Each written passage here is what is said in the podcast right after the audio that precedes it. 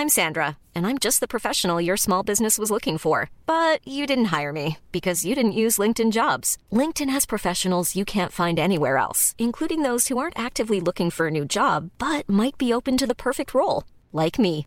In a given month, over 70% of LinkedIn users don't visit other leading job sites. So if you're not looking on LinkedIn, you'll miss out on great candidates like Sandra. Start hiring professionals like a professional. Post your free job on linkedin.com/people today. Burrow's furniture is built for the way you live. From ensuring easy assembly and disassembly to honoring highly requested new colors for their award-winning seating, they always have their customers in mind. Their modular seating is made out of durable materials to last and grow with you. And with Burrow, you always get fast, free shipping. Get up to 60% off during Burrow's Memorial Day sale at burrow.com slash ACAST. That's burrow.com slash ACAST. burrow.com slash ACAST. Since 2013, Bombas has donated over 100 million socks, underwear, and t-shirts to those facing homelessness. If we counted those on air, this ad would last over 1,157 days. But if we counted the time it takes to make a donation possible, it would take just a few clicks. Because every time you make a purchase, Bombas donates an item to someone who needs it. Go to bombas.com slash ACAST and use code ACAST for 20% off your first purchase. That's bombas.com slash ACAST, code ACAST.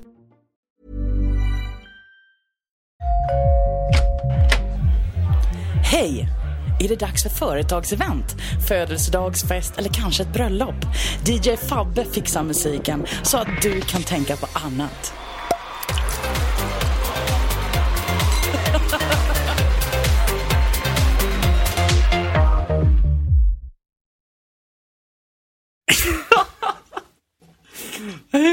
Kan du försöka fokusera nu Henrik? Ja, nej, nu får jag skärpa mig. Då får du faktiskt i kragen. Ja. Du är skarpt läge. Mm, Nu kör. på riktigt. Vi kom ju överens om att du är Peter idag och jag är jag. Idag är jag Peter. Ja, du ville inte vara jag av någon anledning. Så jag fick inte vara Peter. Nej. Nej, det är nog bäst. Jag är mest bra på att vara mig själv. Ja. Du är mer flexibel. Det är inte en komplimang känns det som. Att man inte är bra på att vara sig själv. Ja, men du har sk- skådespelartalang. Ja, nej, men så kan man säga det. Ja. Eller tappat som barn. Nåja. Kära vänner, välkomna till ännu ett avsnitt av Macradion.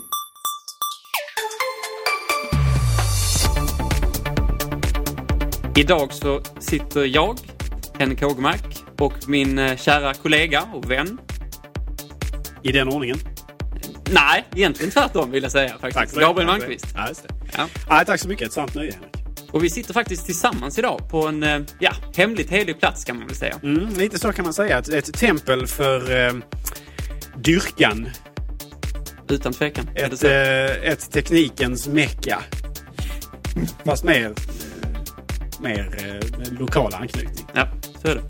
Och vi, vi kan se varandra idag. eh, Och vi, ja, vi sitter någon meter från varandra och hoppas att det ska göra Macradion än bättre. Det Det kanske går ta i, men vi får se. ja, vi får se. Det kan ju bli risk för eh, handgemäng. Det är några filosofiska olikheter. Ja, just nej, men det, det får vi vänta oss. Nåja, eh, idag så är väl tanken att vi ska såklart prata om keynoten. Vi ska eh, prata om dess olika eh, beståndsdelar, men vi, jag tänkte att vi vill börja med att diskutera liksom keynoten i allmänhet, hur känslan var och så. Jag tror alla är otroligt nyfikna på att höra vad just eh, herr Malmqvist säger om detta. Jag tycker det är, både du och Peter är väldigt bra på att eh, spela upp min betydelse i världen på ett sätt som den inte förtjänar. Men vi kan väl konstatera att eh, jag tyckte det var en fantastiskt trevlig keynote, rent i allmänhet. Och, eh, för att spola tillbaka bandet lite grann så kan vi säga så här, vi spenderade ju liksom två timmar i förra veckans avsnitt med att prata iOS 7 så vi kände att det var att, att få in mer än det i det programmet, det hade liksom varit katastrof. Alltså, det var ju lite så här som folk höll på att få dåndimpen förmodligen om de som verkligen tragglade sig igenom två timmar utav, utav vårt prat förra gången. Så att poängen är ju nu att vi ska liksom prata om allt annat än iOS 7 den här gången. Till många människors eh, stora glädje säkert. Eftersom iOS 7 vid det här laget känns som ett ganska så uttjatat ämne. Ehm, jag vet att du fick ingen chans egentligen att att, eh, att prata om iOS 7 Henrik sist för du var med. Eh, Du var inte med då, Ja, det är riktigt. men du, hade, du höll med, var det inte så? Ja, jag lyssnade igenom de här två timmarna och jag kände väl att, att eh, Det var väldigt heltäckande på många sätt. Jag, jag, jag, jag kan väl instämma också i, i den, både de, den, den positiva och negativa, negativa respons som, som fanns från, från, från gänget. Va? Så att jag, jag tyckte att ni tog upp viktiga saker. Mycket, mycket pr prat om ikoner, som Peter brukar säga. Han är själsligen med oss idag, även fast han är på annan plats. Ja, visst. eh, Och inte riktigt närvarande. Eh, Men för att gå tillbaka då, så då, då kör vi liksom, vi pratar lite keynotet i allmänhet först. För det är väl det är alltid lite trevligt sådär. Och jag kände väl ändå på något sätt att det här var ett väldigt, eh, det var överlag ett väldigt, väldigt bra keynote. Det var schysst presentationer, eller schyssta presentationer, det var ett relativt högt tempo. Eh, Delvis kanske det berodde på att det var lite ett tekniskt intermezzo där i början med en ganska, ett udda demo där man väldigt, väldigt tidigt i keynotet. Alltså det är ganska ovanligt att man släpar upp en tredjeparts eh, utvecklare, får vi kalla dem. De tillverkar både artificiell intelligens, mjukvara och hårdvara i form av bilar och leksaker då, som ska det. styras. Som heter Anki Drive, det här programmet. Va? Det, som, det som var anmärkningsvärt där, om man nu går in på det, det var ju liksom att ett, det var ju jäkligt en cool grej. Alltså en cool grej faktiskt. Alltså, Det kan nog säkert vara en succé eh, förhoppningsvis. För det verkar vara liksom genuint intressanta saker de arbetar med. Men sen var det också så naturligtvis att eh, det höll ju på att gå galet där ett tag med rent presentationstekniskt. I början där så verkade det strula lite grann och det kändes som sekunder blev till minuter ganska fort. Ja. Och jag kände nästan som, som någon som bara egentligen var som passiv åskådare hur paniken liksom växte i mig. Så jag kan ju tänka mig hur eh, liksom, de måste ha skakat händerna bakom, eh, bakom scenen. Bland de som hade både ansvaret för det och då naturligtvis Apples personal och så vidare. Man, man tänker på ändå att, att få blivit inbjuden och göra det här som företagare och då, det är fantastiskt på många sätt och det finns inget, det måste gå rätt, det måste bli bra på något sätt när man gör en sån här grej liksom. Och så blir det ändå lite fel. Så att det, det, ja, det är väldigt, väldigt, väldigt långa sekunder. Som det, det kändes, om man, känner det som, som lyssnare och, och tittare så förstår man hur de kände som stod på scen. Ja, det var nog nästan läge för blöjbyte där alltså, efter den eh, incidenten. Men det gick ju väl i slutet. Ja. Eh, det slutade ju ändå liksom med att de fick igång det och den fick göra den demon som skulle vara. Och det ser ut att vara en väldigt intressant utveckling som eh, de gjorde ju en grej av att de kommer att börja sälja detta då även i Apples butiker och sådär. Så att det, det kan nog vara väldigt fördelaktigt för det här företaget då, Anki, Anki Drive. Eh, med den här ytterligare exponeringen som det här kommer att vara i, förmodligen i många länder. Då, ju. Eh, och då integrationen djupt mot iOS gör ju att Apple har ett genuint intresse av det här också, att det ska lyckas. Så det är spännande, även fast det på många sätt kändes udda att ha det där. Och det var egentligen det som stod ut i, på, i själva keynoten som avvikande och kanske lite malplacerat. Så var det ändå liksom det var ett schysst demo fast det kanske, det kanske inte borde varit där. Nej. Givet att det, att det gick lite dåligt i början. Och jag fick lite känslan av att efter det så kanske man var tvungen att skruva upp tempot ytterligare på övriga presentatörer. Eh, för de försöker hålla sig inom tidsgränsen max två timmar och jag tror vi låg ungefär ganska exakt på två timmar här keynotet, eller åtminstone i närheten av det. Eh, det, det blev nog lite mer stressigt efter det än, än vad än vad det hade varit annars. Och det behöver egentligen inte vara många minuter som man förlorar för att det ska, att det ska kärva någonstans. Och man kanske måste börja eh, spontant plocka bort material ur presentationer och sådär. Eh, kanske inte att de ändrar liksom bilder och så här men att man på något sätt ändå måste stryka segment och så här. Det är inte alls omöjligt att i, i bakgrunden så har sånt skett här faktiskt för att Nej. tillgodose eh, att det viktiga kommer med så att säga. Det finns säkert flaggor liksom under innehållets gång på vad som körs i, i mån av tid och vad som kanske måste, om det blir panik, strykas. Va? Eh, och det är ju inte första gången som vi ser ett, ett, ett, ett smärre tekniskt haveri. Vi har ju haft flera incidenter där eh, med, vi med go- gott minne eh, har sett Steve Jobs på scenen väldigt frustrerad när han i princip har kastat sina manicker av scenen mot sina arbetare att fixa den här för den fun- funkar inte på demot. Liksom, och så här. Eh, så det, det har ju varit Det har ju hänt förr om man säger så att det har varit tekniska bekymmer. Men som tur var så repade det så här i slutändan och det blev ju bra ändå. Ehm, men eh, i allmänhet så var det, det var en, en snabb och hurtig men samtidigt eh, så kändes det som en Det kändes som det fanns ett, ett självförtroende bland de som deltog. Eh, och det, det reflekterades i allt från hur Tim Cook pratade om Apple kontra konkurrenterna till hur man liksom samtidigt Både hur, hur mycket man slog på trumman för sina egna saker samtidigt som man då på något sätt ändå liksom, eh, lite så här hånfullt pratade om ja, fienden, om vi säger så. Alltså Android och de andra lägren så att säga. Eh, Men överlag så jag tyckte det var en, en jättebra keynote. Eh, och den livestreamingen funkade ju, om man ser rent tekniskt för oss sett, ganska bra. Det var, jag satt faktiskt live på, på, alltså hemma då och hade ett, byggt upp ett altare som vanligt med levande ljus och ja, lite så att man tillber. Och då eh, tyckte det väl att det, var, det funkade rent tekniskt ganska bra. Det Mm. måste jag säga. Helt Det. Lite hack då och då men den, den plockade hela tiden upp så att man låg lite efter den officiella sändningen men att man missade aldrig innehåll så att säga. Så det var mycket välkommet.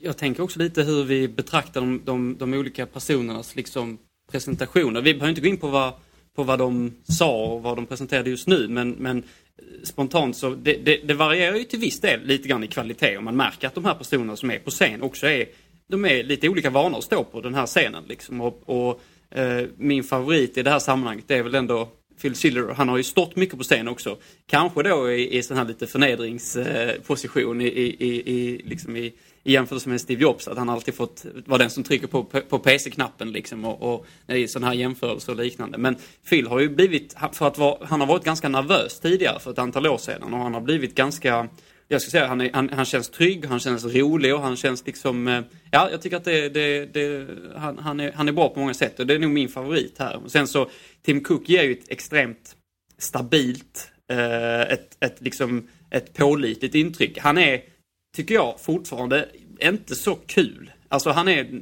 han är något tråkig, eller på snudd till tråkig i alla fall. Men han gör ju ändå ett väldigt trovärdigt, ett väldigt, ett väldigt, väldigt fint intryck för Apple. Har du några andra synpunkter på våra resterande talare?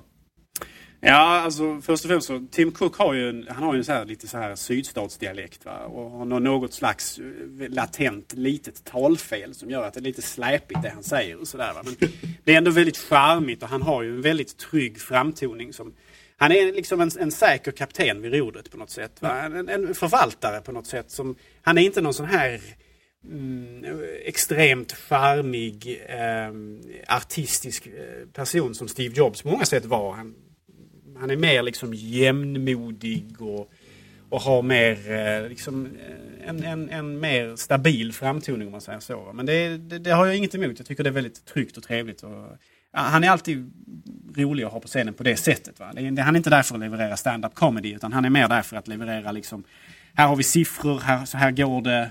Det, det, vi är på rätt väg, eh, det kommer att gå bra det här och så vidare. Och det tycker jag att han gör, det tycker jag han gör med, med bravur. Sen, precis som du var inne på, Phil Schiller har ju mycket scenvana vid det här laget. Va? Och precis som du säger så har han ju haft både det ena och den andra rollerna. Det har ju stundtals varit lite lyteskomik över honom när han har tvingats hoppa genom eh, sådana här cirkusringar från höjd. Just det, För att- visa Airport. Just det, för att han illustrerade Airport-funktionaliteten, alltså trådlöst internetnätverk eh, i ursprungliga iBook G3-modellerna och sådana här saker. va. Så att det har ju alltid varit eh, Steve Jobs var lite av cirkusdirektör där och Tim Cook var liksom lite av eh, antingen eh, akrobaten eller eh, djuret som hade dresserats. va. Men han gjorde alltid det roligt. Och, eh, han är verkligen trygg i rollen här nu, det känner man ju. Han är ju eh, klockren på scen på många sätt. Och, eh, han kändes mycket mer som han, han känns som han har mycket självförtroende vid det här laget. Som sig bör. Han, hans, hans roll inom Apple är ju minst sagt ohotad skulle jag påstå. Ja, verkligen. Eh, och sen så en ny stjärna för mig, någon som riktigt verkligen seglat upp som något riktigt, eh, riktigt lysande. Det är ju verkligen Craig Federighi. Alltså. För, för vi talar om det här med förvandlingen från lite otrygg och rädd. Så han, första gången man såg honom på scenen, var, jag tror han presenterade eh, om det var Snow Leopard eller något i den stilen. Det var eh, Snow Leopard tror jag. Eh, och han presenterade de här multitouch-funktionaliteten. Och då var han nervös och det gick fort och, och sen så när han väl satte sig ner och skulle köra det här demot så skulle han köra multitouch eh, funktionaliteten och då använde han händerna mot eh, trackpaden naturligtvis och den här Magic Mouse. Ehm, och då fokuserade det ju verkligen kameran på hans hand och då såg man ju hur han verkligen darrade av skräck när han gjorde detta första gången. ja. Man, och det gick dåligt också för om vi ska vara helt ärliga så är ju Apples eh, Magic Mouse eh, dålig på vissa av de här eh, eh, så att säga eh, multitouch-funktionerna. Inte scrolla och så men kanske just det här med att svepa mellan fönster och så. Kanske framförallt om man är- blir lite fuktig med händerna Ja, när man är nervös och så. nervös Det är och de- liksom helt... Du, du, du, de kamerorna på scenen där, det är säkert jättevarmt där uppe Ja. och sådär va. Och eh, han funderar säkert bara på om han har svettringar under armarna när han står där. Och, det, det, det är ju jättenervöst. Ja, Så att, det gick ju sådär de här första demorna men han har ju verkligen om någon har liksom repat sig och, och, och gjort, blivit en stjärna på scenen så är det Craig Federighi alltså. Mm. Air Force One. Han, det, det andra keynotet i rad de gör en humoristisk referens till honom och hans eh, fantastiska hårsvall eh, i, eh, i materialet som han presenterar. Och det, det tycker jag är lite roligt för att det visar ju på att hans personal så att säga har en väldigt kamratslig inställning till honom. Att de kan liksom kasta upp honom på scenen där med de här små eh, påskäggen, Mm. om vi säger så, i presentationsmaterialet och liksom, han får liksom bjuda på det lite grann. Och Ja. uppenbarligen så är han uppskattad nog och han är en sån person så han är villig att bjuda på det. Och det blir ju inte heller sämre av att han ställer sig upp på scenen och i princip hånar ehm, Scott Forstals eh, förkärlek för texturer eh, och skomorfistiska drag i, i mjukvaran. Inte en, inte två, utan jag tror vid tre enskilda tillfällen. Ja. När han eh, skämtar om att eh, det inga, inga, inga kor kom till skada när vi producerade den här kalendern på MacOS, eller den nya OS 10. Ehm, och jag kan säga att jag studsade i soffan hemma och, och skrek rakt ut av glädje och förtjusning på ett sätt som bara normala människor gör vid fotbolls-EM och event och sådana här saker. När jag naturligtvis inte säger någonting för jag är inte ens medveten om att det existerar. Mer än om jag skulle råka höra grannen skrika det över gården. Ja, visst. Så att eh, nej men alltså Craig Federighi alltså och mycket humor med honom. eh, En stjärna på presenta- presentation. Eh, super på många sätt. Verkligen rolig. Och ehm, lite, lite, lite olustig på sitt sätt för man hånar ju verkligen Scott Forster. Alltså. Eh, och indirekt så blir det lite grann att man inte kanske nödvändigtvis hånar eh, Steve Jobs men åtminstone, jag menar, Apple stod i princip på scen här nu och hånade ett, en grafisk eh, ett, ett grafisk inriktning på mjukvaran som Steve Jobs två, tre år tidigare hade stått på scenen och, och hyllat. Ja. Eh, och det, det känns ju, det känns som, för mig som är en antiskomorfism av rang, eller ska antiskomorfist kanske man ska säga, eh, så är det ju väldigt lättande att se att Apple faktiskt har börjat komma på mina tankar också vad gäller det här offentligt. Eh, men samtidigt så känns det ju lite konstigt på något sätt att, Mm. att göra det. Och, och jag menar, nu är de ju inte pikarna riktade mot Steve Jobs alls utan det är nog mer Scott Forstall och, och, och hans eh, uppenbara impopularitet som man försöker liksom påpeka. Det är rätt, Indirekt. Ja, det är rätt så tydligt också. Jag menar, man gör ju inte en sån här, man låter det liksom bara passera förbi. Och om, om det hade varit så att detta hade varit en, en lite kanske mjukare konflikt, men detta känns verkligen som att detta var djupt rotat i, i företagskulturen. Att man, han känns nästan hatad av, av, av många av de här personerna. Liksom. Och annars så säger man inte, annars så släpper man aldrig igenom att säga en sån sak. Liksom. Man vet ju hur noga de här keynoten förbereds, förbereds också. Så att eh, man gör uppenbart lite, lite, ja man narrar eller hånar eh, skott på, på sätt och vis. Liksom. Och det, det kanske är lite att gå över, över gränsen, det är svårt att säga. Men visst, jag vill ju inte heller, jag vill ju inte heller se, eh, vad ska man säga, mer av, av, av det här design, den, de här designprinciperna. Men jag tycker kanske att man kunde bara slätat över också. För min del så känns det som eh, en, ren och skär katarsis. Alltså att, att, att, att man verkligen liksom bryter med det gamla för en, eh, för, för, för en gång, eller på, på riktigt och verkligen liksom lämnar det bakom sig. Och, och det här är då ett sätt att, att eh, eh, humorisera kring den eh, smärta som har varit och på något sätt gå vidare på, och stänga det kapitlet. Och det får man ändå säga, jag menar i och med att Apple nu har verkligen gjort den här offentliga presentationen där man upprepade gånger liksom poängterade att det här är ett, ett, ett avslutat kapitel för oss. Ja. Så känns det ju verkligen bra för mig då eftersom detta känns som man kan inte gå tillbaka till den inriktningen igen efter detta. Det, det skulle ju liksom, inte utan åtminstone att sparka halva ledarskapsstyrkan som ju ändå trots allt på något sätt har godkänt de här, alltså det här starka ställningstagandet emot skomorfistiska drag. Um, så eh, det, det känns som en, yt- en stängd dörr, mycket välkommet och eh, en, en, stor, en stor lättnad. Så är det. Jag tänkte, något som jag, Eh, vi har talat om det och jag tyckte det också varit så otroligt viktigt. Apple har ju, i alla fall när Steve Jobs kom tillbaka då i slutet på 90-talet, då försökte man ju med den här Think Different-kampanjen och det var väldigt lyckosamt på många sätt att prata värden. Vad är det Apple står för och vad, vad finns det liksom att bygga vidare på? Om man bortser från att visa produkter och så, så var man just då Eh, kanske i ett väldigt starkt behov av att, att visa vad är det egentligen Apple, Apples, eh, vad är Apples grundläggande värden och varför är de så otroligt viktiga för framtiden. Och det, är väl någonting som jag som Ja, säkert du också Gabriel, som vi är sanna Apple-entusiaster, det är väl en underdrift egentligen. Och, och, och, då vill man ju se de här lite religiösa, ideologiska inslagen på något sätt. Och jag har väl tyckt att, att jag hade så otroligt gärna velat se det när det gäller eh, reklamfilm och marknadsföring och så också. Eh, och inte bara att det är någonting man nämner i förbifarten på scen, att det här är någonting vi tror på från Apples sida. Och detta var ju faktiskt eh, ett, ett keynote som visade på just detta, att man pratade otroligt mycket om, om eller pratade om, man, man, man kom väldigt mycket tillbaka till filosofin bakom Apple. Vad är det Apple, vad är det Apple står för? Vad är det som är viktigt för, för dem och när man bygger produkter? Och dels så var det såklart i, i den bemärkelsen att man att man, Tim Cook sa det, jag vet inte hur många gånger, att vi jobbar inte med att sälja flest produkter. Det är inte det som är vår grej, utan vi vill göra bäst produkter. Och det som är än tydligare i, det, i det här, eh, liksom den här ideo, ideologiseringen, eller vad man ska kalla det, det är ju hur det startade och hur det slutade, hela keynoten. För man inledde då med någon, någon, ja man kan säga en liten, en liten filmsnutt som ni säkert har sett vid det här laget, där man pratar just om hur, hur Apple tänker när man formar en ny produkt, vad är det som är, är, är, är viktigt, varför man har ett ganska få produkter, varför man har det här fokuset som man ändå har från Apples sida. Och likväl så avslutar man med, med en film som man också ska köra, vad jag har förstått det som, som en reklamfilm, i alla fall i USA. Finns såklart på webben och så också, där man återigen då pratade om, om Apples värden, varför, varför de är viktiga, att det handlar om att förbättra, liksom att göra människors liv enklare på, inom mån och att det är det som är det enda viktiga. Um, så att det tyckte jag det var väldigt skönt att se den här religiösa pånyttfödelsen på något sätt uh, under den här keynoten. Ja, det som skiljer Apple kanske mer än, mer än någonting annat är ju trots allt deras värderingar, deras filosofiska, ideologiska ståndpunkter. Eh, åtminstone för en sån inbiten entusiast som, som dig och mig. Mm.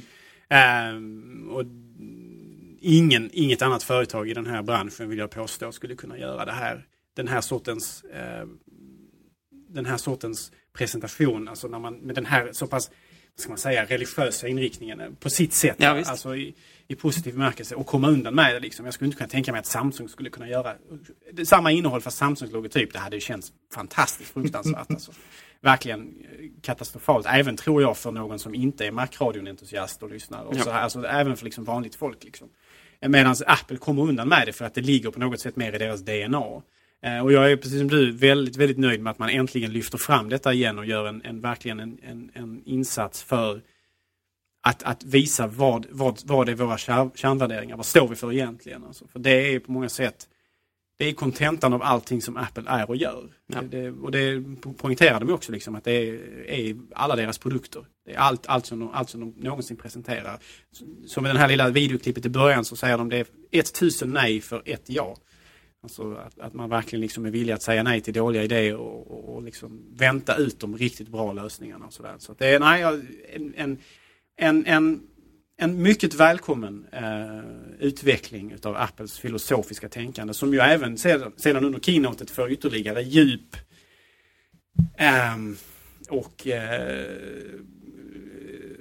genom Johnny Ive som ju då också, de visar ju ett filmklipp med Johnny Ive när han pratar om iOS 7.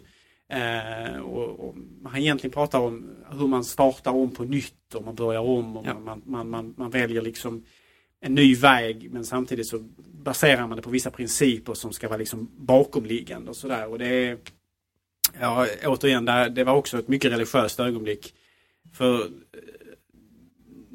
Johnny har en, eh, han har en, en, en karaktär, en persona som är väldigt extremt fascinerande. Mm. Han är en, man vet om att han är en extremt blyg person. Har i princip mig veterligen aldrig släpat upp, upp på scenen för att presentera någonting överhuvudtaget trots att han har haft i allra högsta grad ansvaret för Apples hårdvara under väldigt lång tid. Rent eh, estetiskt designmässigt. Um, och nu även ansvaret för mjukvaran. Men ändå så går han inte upp på scenen för att han är en förmodligen introvert men åtminstone en blyg person och förmodligen blygsam också. Eh, men ändå när han, när han sätter honom framför en kamera och han ska förklara vilka värderingar det är som, som, som säger, vägleder honom och hans, hans lag, alltså hans team av, av medarbetare. Så är det, det är verkligen helt rätt. Alltså. Jag, jag kan ha slängt upp eh, hela det citatet i textform på Facebook minuterna efter eh, efter keynotet eh, hade visat upp dem. Alltså det, för mig är det, det är storhet. Alltså. Jag älskar Johnny Ivan, är en fantastiskt eh, intressant person och eh, hade han, hade han släppt en bok. Eller på något sätt eh, tillgång till material där han vidareutvecklar sin eller deras filosofi kring det här så hade man ju liksom ägt 10x bara för att man skulle försäkra sig om att inte alla kunde försvinna i en brand. Alltså. Jag hade ju skaffat ett bankvalv bara för att förvara ett ex av den där i, gärna signerad. Sovit med den kanske? ja, nu kanske lite överdrift. jag sover med min, min Macbook Pro men jag sover inte kanske med, med, med en bok. Du har dina gränser? Nej, istället, istället för Bibeln då i nattduksbordet som man har på många sådana här hotell så är det, hade man kanske haft eh, Johnny Ives eh, självbiografi där. Jag vet inte alls låter, låter dumt. Ja, det är klart att föredra faktiskt om jag helt ärlig. Det är intressant också just att, att trots att inte Johnny Ive är fysiskt på scen och han får då vara på scen i bemärkelsen av att, att uh, delta eller vara huvudperson i den här videon som vi såg. Så, och så reser sig folk upp efter den här videon när han pratar om de här grundfundamenten i iOS 7 och att han, han pratar också om hur det är en det är någonting nytt som baseras på, på som du var inne på, liksom de här grundläggande värdena, men som också är starten på någonting annat. Så att detta är inte den färdiga, alltså det är inte, detta är inte bara detta som vi ska se, utan detta är ett sätt att bygga vidare på för framtiden. Och jag tror att oavsett vad, vad, vi, vad vi tyckte om iOS 7 och de nackdelarna som finns såklart, så är det kanske en, en, en betryggande känsla av att detta är starten på en ny era på något sätt. Och, och det var han också tydlig med och, och, och liksom konstaterade. Det kändes skönt också på något vis. Och det fick ju verkligen gehör. Eh, kan man ju säga. Minst sagt, precis som du säger, folk stod, stod ju upp och applåderade åt det där och sen, sen såg man ju också, jag vet inte om det framgick i, jag såg lite grann i videon att han, han ställer sig upp och lite tror tacka, avtacka för applåderna eller något i den stilen. För det är ju rätt så, rätt så fantastiskt uppenbart att det är just mot, mot honom som applåderna är riktade. Ja, alltså, visst, personligen. Alltså, där, det, finns ju lite av en Cult of uh, Ives nu alltså på Ja. ett sätt som uh, Cult of Jobs var tidigare. Liksom. Att han är på många sätt den nya frälsaren uh, och har väl egentligen varit lite av det i bakgrunden alltid så att säga. Men han, han har mycket mer av den, för han har ju det där liksom lite konstnärliga, visionära intrycket som, som på många sätt Steve Jobs hade. Men, men som vi nu då genom hans bortgång har förlorat. Så Mm. att säga. Och där är han, han är lite så här eh, spirituell ledare, Johnny. Alltså. Utan tvekan. Och han förkroppsligar också det som Apple, för mig i alla fall, står för. Alltså den här brytpunkten mellan tekniken och human, alltså hum, det humaniora på något vis. Alltså hur man kan kombinera de här två bitarna. Och det är det som är så fantastiskt också. Det var ju Steve Jobs, det var ju han på något sätt. Och, det finns ju massa historier apropå detta liksom. Och det var ju två personer som var varandras bästa vänner också. Så att det blev ju, det blev ju en väldigt speciell kontakt där. Och Johnny Ive var ju fantastisk egentligen på Apple även innan Steve Jobs kom. Men han, det fick inte blomma ut på rätt sätt. Han behövde på något sätt den här den här, den här liksom guidningen eller ett, ett företag som också var välfungerande rent ekonomiskt och så. Och efter den här guidningen så, så är ju på något sätt så att, att, att eh, Johnny är, ja han är den viktigaste skulle jag vilja påstå för, för Apple och för framtiden för Apple så att säga. Och det är han som eh, har det här arvet, Steve Jobs-arvet allra starkast på något sätt. För att han var ju, det är ju också, han är en del av det som har skapat det, det moderna Apple, det lyckosamma, det framgångsrika Apple. Liksom. Så att det är väldigt, väldigt, väldigt trevligt att se. Det finns, eh, det finns ett sånt här klassiskt citat eh, som eh, Steve Jobs fru har sagt eh, om Johnny Ive så här i efterhand efter att, eh, efter att Steve Jobs dog. Eh, och det lyder Most people in Steve's lives are, life are replaceable, but not Johnny. Och jag, jag tror det sammanfattar väldigt mycket att de stod varandra väldigt nära. Ja. Och jag tror även att jag menar, Steve Jobs är säkert bra polare med många av dem som, som är hög, högt uppsatta inom Apple. Och Phil Schiller var säkert väldigt nära honom på många sätt också. Men jag tror att, jag misstänker att, att Johnny hade lite av han hade lite, en lite närmare ställning Ja. just för att de hade det här konstnärliga gemensamt och att de, de på, på vissa, vissa sätt var väldigt lika varandra. Mm. På andra sätt var de mycket li- olika varandra. Steve Jobs var ju en mycket mer framåt på många sätt och hade väl kanske stundtals en mer burdus eller eh, han kunde vara lite elak i fram- framtoning och sådär framförallt när han var ung då kanske. Eh, Medan då eh, Johnny Ive verkar ju vara snällheten själv. Ja, verkligen. Man har ju sett, eh, ja, det har varit lite så här i olika filmsammanhang och så. Han har varit med i något barnprogram och sådär. Han verkar så väldigt, väldigt vänlig och, och blygsam och, och, och så. Trots att han har den här Alltså väldigt imponerande intellektet som har, har gjort allt detta möjligt. Och jag tror, att, jag tror dels att Steve Jobs liksom på något sätt eh, han, han, han såg upp till den kombinationen tror jag samtidigt som att han, han kände den här kopplingen också, de här personligheterna emellan och just det här intellektet som är så, ja, som är så framträdande hos, hos, hos Johnny. Så att, eh, det, mm, det är definitivt en, en, en relation som var speciell och det kunde man ju se också när vi eh, när, när Apple la ut den här, eh, ja, ska man säga, minnesstunden för Steve Jobs och där, där Johnny Ive då, som aldrig någonsin, någon gång har jag sett, går upp på scen i ett sånt här sammanhang, men han går upp på scen och, och pratar, pratar om Steve då helt enkelt, om sin, sin, sin närmaste vän och om minnen och han gör det på ett helt otroligt bra sätt. När jag var ändå, när jag såg att han skulle gå upp så var jag skeptisk för jag tänkte liksom att han gör det för att han måste och han, eh, han eh, ja, kanske är otroligt nervös och så, det kanske han var, men han gav ett otroligt stabilt och känslomässigt och eh, fantastiskt fint intryck på scen. Och sen dess har han inte stått på scen i något Apple-sammanhang vad jag vet i alla fall. Och det, det visar lite att han, han kanske inte tycker om det men han kunde göra det otroligt bra när det väl betydde så mycket som det gjorde för honom. Liksom. Jag tror eh, att Johnny Ives eh, ologi som han gjorde här på den här minnesstunden för Steve Jobs var bland eh, det bästa jag någonsin har sett. Alltså. Ja. Det var verkligen väldigt rörande, kändes verkligen genuint. Eh, och man, man, vet ju om att med eh, Johnnys eh, allmänna avsky, eller åtminstone att han har svårt för att stå på scen, så vet man om att det, det, det krävdes förmodligen all styrka han kunde uppmana för att göra det. Ja. Och han gjorde det utan i princip felfritt. Ja, alltså jag, jag, jag, jag, kan inte minnas att jag tyckte någon gång att det kändes någonting annat än extremt genuint, ärligt, uppriktigt och vackert. Ja. Och, och, det var ju en presentation. Alltså, det, just det han gjorde där. Åtminstone i den situationen var ju han mästerlig på scenen. Mm. Alltså verkligen mästerlig. Ja, det var, det var definitivt det mest rörande hela det sammanhanget. Liksom. Absolut. Liksom. Mm. Och, det, och det, det, är inte lätt att göra det, men det är väl lite så att när man, när man väl talar från hjärtat så, så kommer orden av sig själv på något mm. sätt. Och det, även fast det var ju naturligtvis ett förberett tal så var det ändå det kändes så, så otroligt genuint eh, och ärligt på ett, på ett bra sätt. Så nej, eh, Johnny alltså. Vilken kille. Vilken kille. Ja, honom eh, ser vi upp till. Utan tvekan.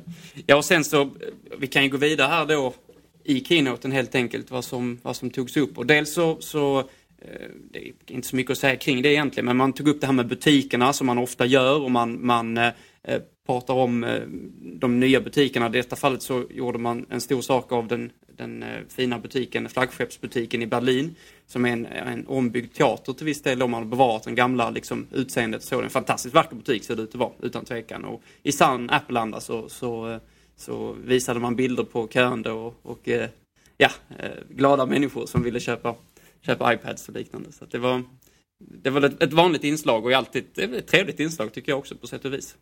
Ja, det som jag tycker är så väldigt eh, eh, intressant med det där är ju att och det poängterade man ju själv också, att här tar man liksom en hundra år gammal byggnad som förmodligen där vid eh, 1940-talet någon gång var förmodligen helt sönderbombad och sådär och som förmodligen restaurerats efter kriget. Men man tar en, en 100 år gammal byggnad och lyckas implementera Apples eh, jag ska inte säga unika stil, men åtminstone deras, deras stilsätt som är ganska eget så att säga.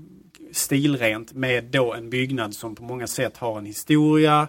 Eh, som egentligen, om man tittar på liksom rent arkitektoniskt och sådär, så är det ju mer, handlar mycket om utsmyckningar och det här klassiskt vackra med, med liksom med, med eh, ornamentering. Va? Men det, att man ändå lyckas kombinera detta på ett väldigt stilfullt sätt med Apples, Apples mer strama estetik och mer avskalade eh, miljöer. Och eh, från de bilder och de filmer vi står därifrån, det såg fantastiskt trevligt ut. Jag hade jättegärna besökt den här butiken. Ja. Bara för att, ett, jag älskar gamla byggnader. Mm. Verkligen älskar gamla byggnader och därför så gör det lite ont att bo i Sverige eftersom här har vi varit väldigt bra på att riva gamla byggnader. Kan man verkligen säga. Dem, ersätta dem med tegelkolosser och eh, betongbrutalism.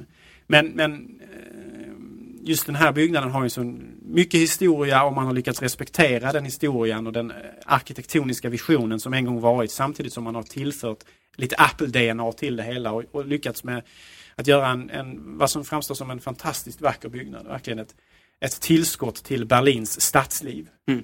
Uh, och det är ytterst, ytterst välkommet och uh, ja, det, jag, hade, jag kan tänka mig att åka till Berlin bara för att besöka den här byggnaden och butiken. Alltså det, så inspirerande tyckte jag det var. Då bestämmer vi det. Ja, det tycker jag.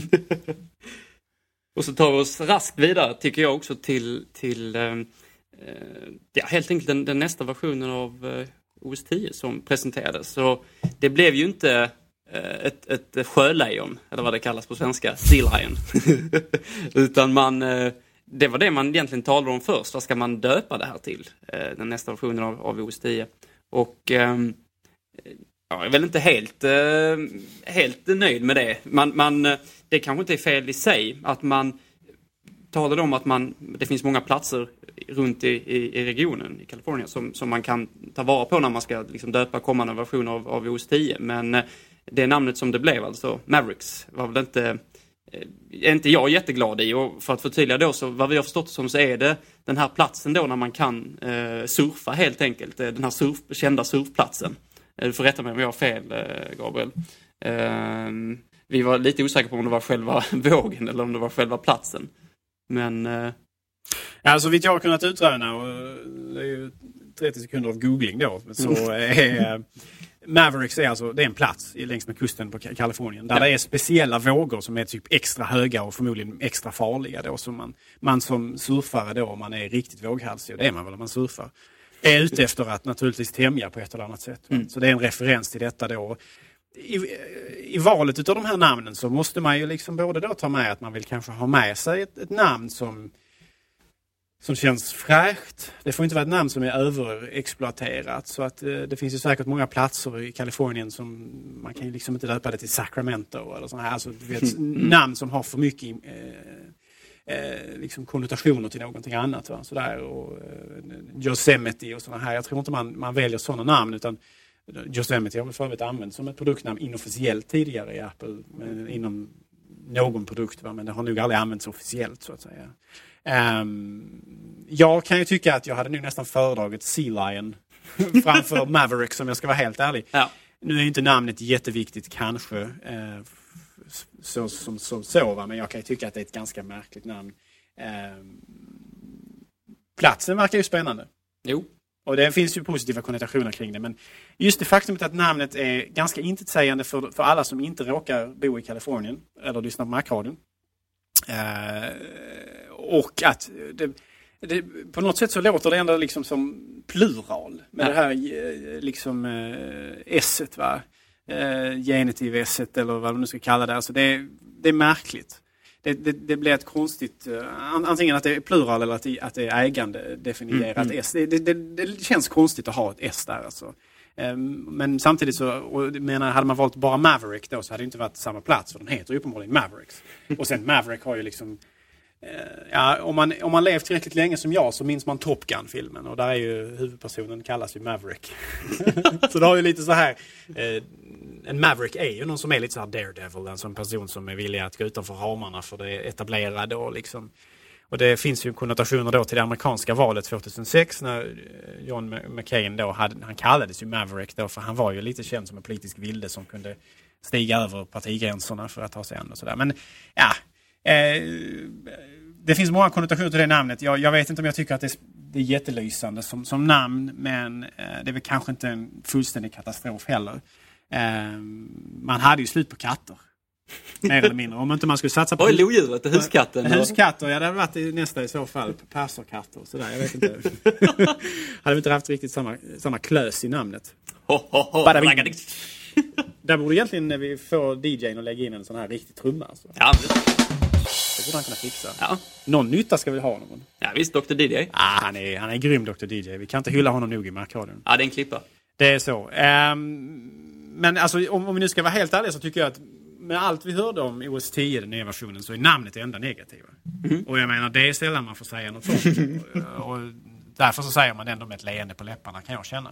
Jo, men det ligger väl någonting i det. För det var ju så otroligt mycket där som kändes positivt med den här presentationen. Eh, det kommer ju inte jättemånga nya funktioner för användaren kanske. Det är lite funktioner vad gäller flerskärmsstöd och sådana här saker. Men mycket handlar ju om, att, handlar om att det händer saker i bakgrunden. Man påminner om Snow Leopard på det sättet. Ja.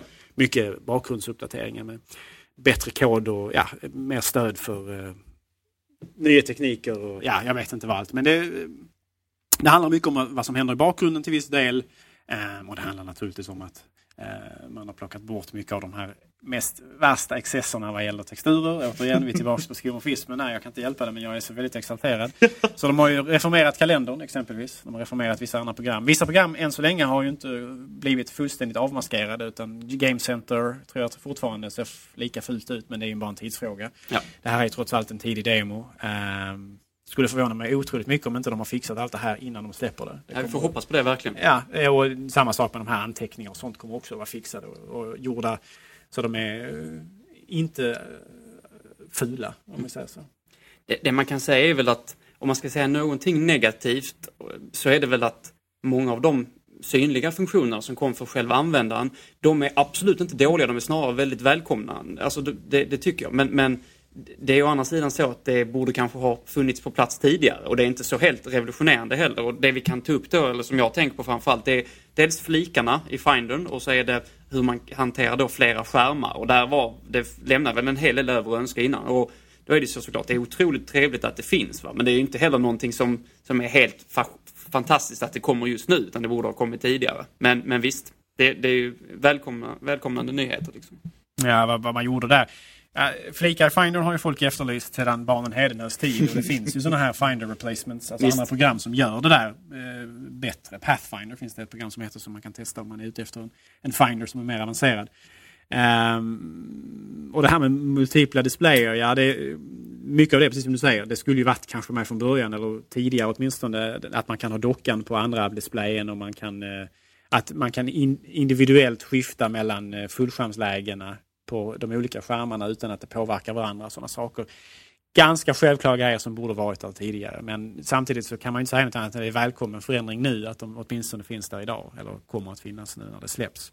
Så det är ju det är trevligt att ha även fast det kanske är lite sent att komma med det vid det här laget. Kan man tycka. Men andra saker var ju bättre. Jag menar, nu får vi Maps. Alltså kartfunktionaliteten till, eh, till OS 10. Mycket välkommet förändringarna till, ka till kalenderprogrammet, inte bara de estetiska utan även där funktionaliteten, att den börjar bli lite smartare och förutseende och att den kan använda sig av adresser och sådana saker på ett bättre sätt. All, allt det är mycket välkommet. Och, Facebook-interaktionen kan säkert många uppskatta. Ja, det är säkert mycket välkommet.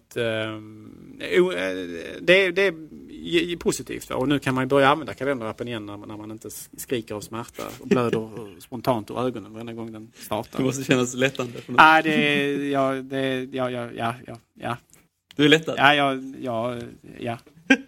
Det, jag gick till och med så långt så att jag vid något tillfälle laddade ner gamla kalendern eller något i den här stilen där man liksom försökte lägga över filer från gamla kalendern i, i förra versionen av OS 10 eller den förra versionen som inte hade de här texturerna.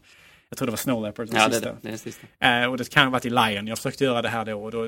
I varje fall jag lyckades få till det så pass att texturen försvann på fönstret men då såg ju fönstret helt abnormt ut istället för att då var det liksom metallutseendet på kalendern fast ändå inte.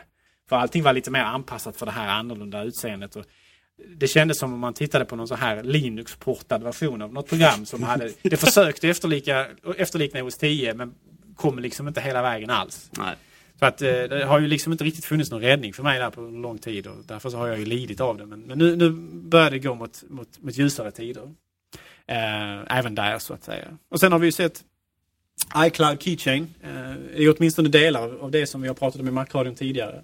Möjligheten att kunna eh, hantera lösenord på ett bättre, bättre och rimligare sätt över iCloud. Eh, Apple går inte hela vägen och gör det till en fristående app och det kanske inte det måste vara heller men det återstår ju att se lite grann hur implementationen är. för jag kunde gärna sett kanske lite mer möjligheter att ha mer kontroll över det och kanske gå in och, och läsa av det på ett helt annat sätt. Jag misstänker att det här kommer bara mer, mer vara i bakgrunden och så fort man lämnar då Apples lilla leklåda för Apples produkter. Eh, så fort man går till en annan plattform så kanske det blir bökigt om man ska få med sig lösenord och sådana saker. Och det återstår ju att se hur användargränssnittet är för att byta lösenord och hela den här biten. Eh, vi vet inte så mycket om det än, eller åtminstone jag vet inte så mycket om det än. Men det, det är välkommet att Apple tar ett steg i den här riktningen. Att man gör någonting åt folks lösenordsproblem eh, som, som finns i den riktiga världen så att säga. Ja, visst.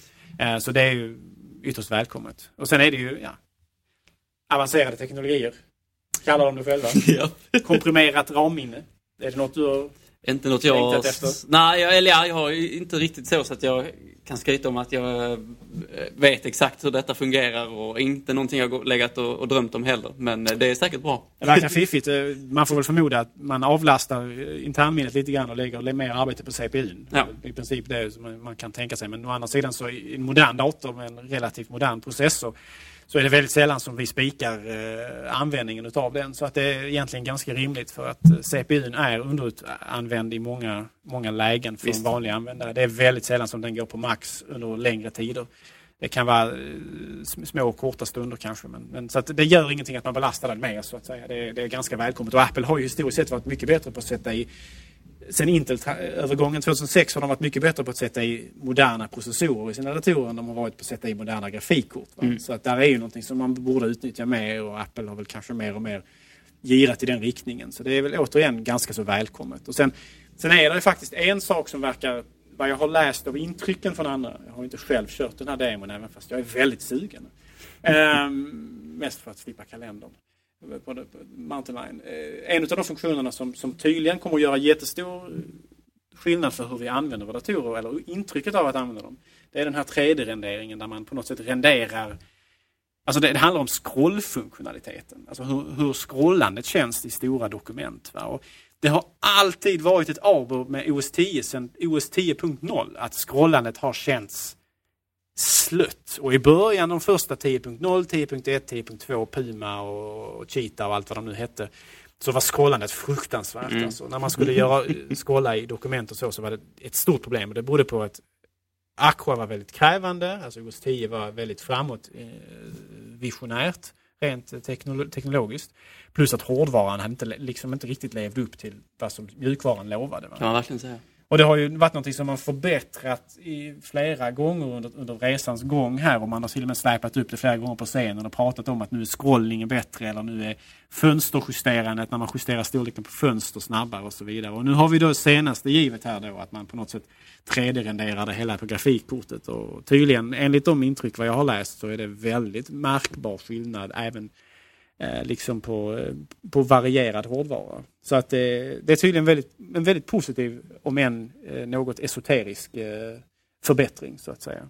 Så det är någonting som alla kommer känna av men ingen kommer förstå vad, vad, vad det handlar om egentligen. Om man säger så. Inklusive jag då. Ja, men det, det är inte fel. Ja, ja. Det jag skulle vilja ta upp också när det gäller Mavericks, det är ju... Det talades inte alls om hur man kommer att prissätta den här produkten.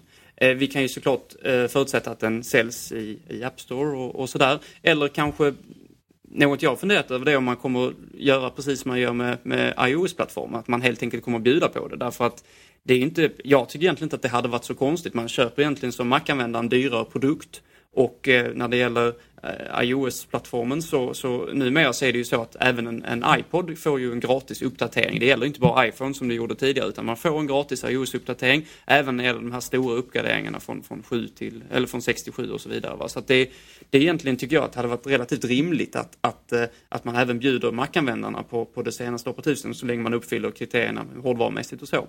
Och det är ju också så att redan idag så är ju OS 10 alltså man säger, löjligt billigt. Jag tror i Sverige kostar det 100, 149 kronor på App Store. Så att rent intäktsmässigt så kan det inte heller där vara något, något större bekymmer att, att, att uh, bjuda på det. Och det är ju också så att det finns ju en, en eh, man skröt en hel del om det från Apples sida, att så många av, av iOS-användarna hade just den senaste versionen av iOS jämför, och så jämförde de med Android-plattformen och liknande. Och man tog även upp att många har bytt till Mountain Lion. Det gjorde man utan tvekan. Men vill man verkligen att, att man ska ha det senaste operativsystemet, vilket man vill, det är också bra för utvecklarna, så är det, kanske det är ett sätt helt enkelt att, att man bjuder på det. Och då slipper man också problematik med när har du köpt datorn, måste man ha sån här, eh, eh, ja, fixa någon kod för att kunna ladda ner om du köper i ett, i ett mellanrum när det kommer ett nytt operativsystem och, och, och, och, så, och så vidare. Va? Så det, det är ju, jag tror att detta hade varit en ganska naturlig utveckling. Jag vet inte, hur, vad tror du om det Gabriel? Ja, helt, helt och hållet. Det var en bra poäng där. Jag,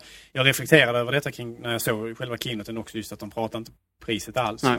Eh, och det kan ju, kan ju delvis bero på att man inte har släppt det ännu heller. Det kan ju naturligtvis vara så. Men jag tror, jag tror faktiskt att det här är ett, man kommer att göra det gratis nu. Alltså.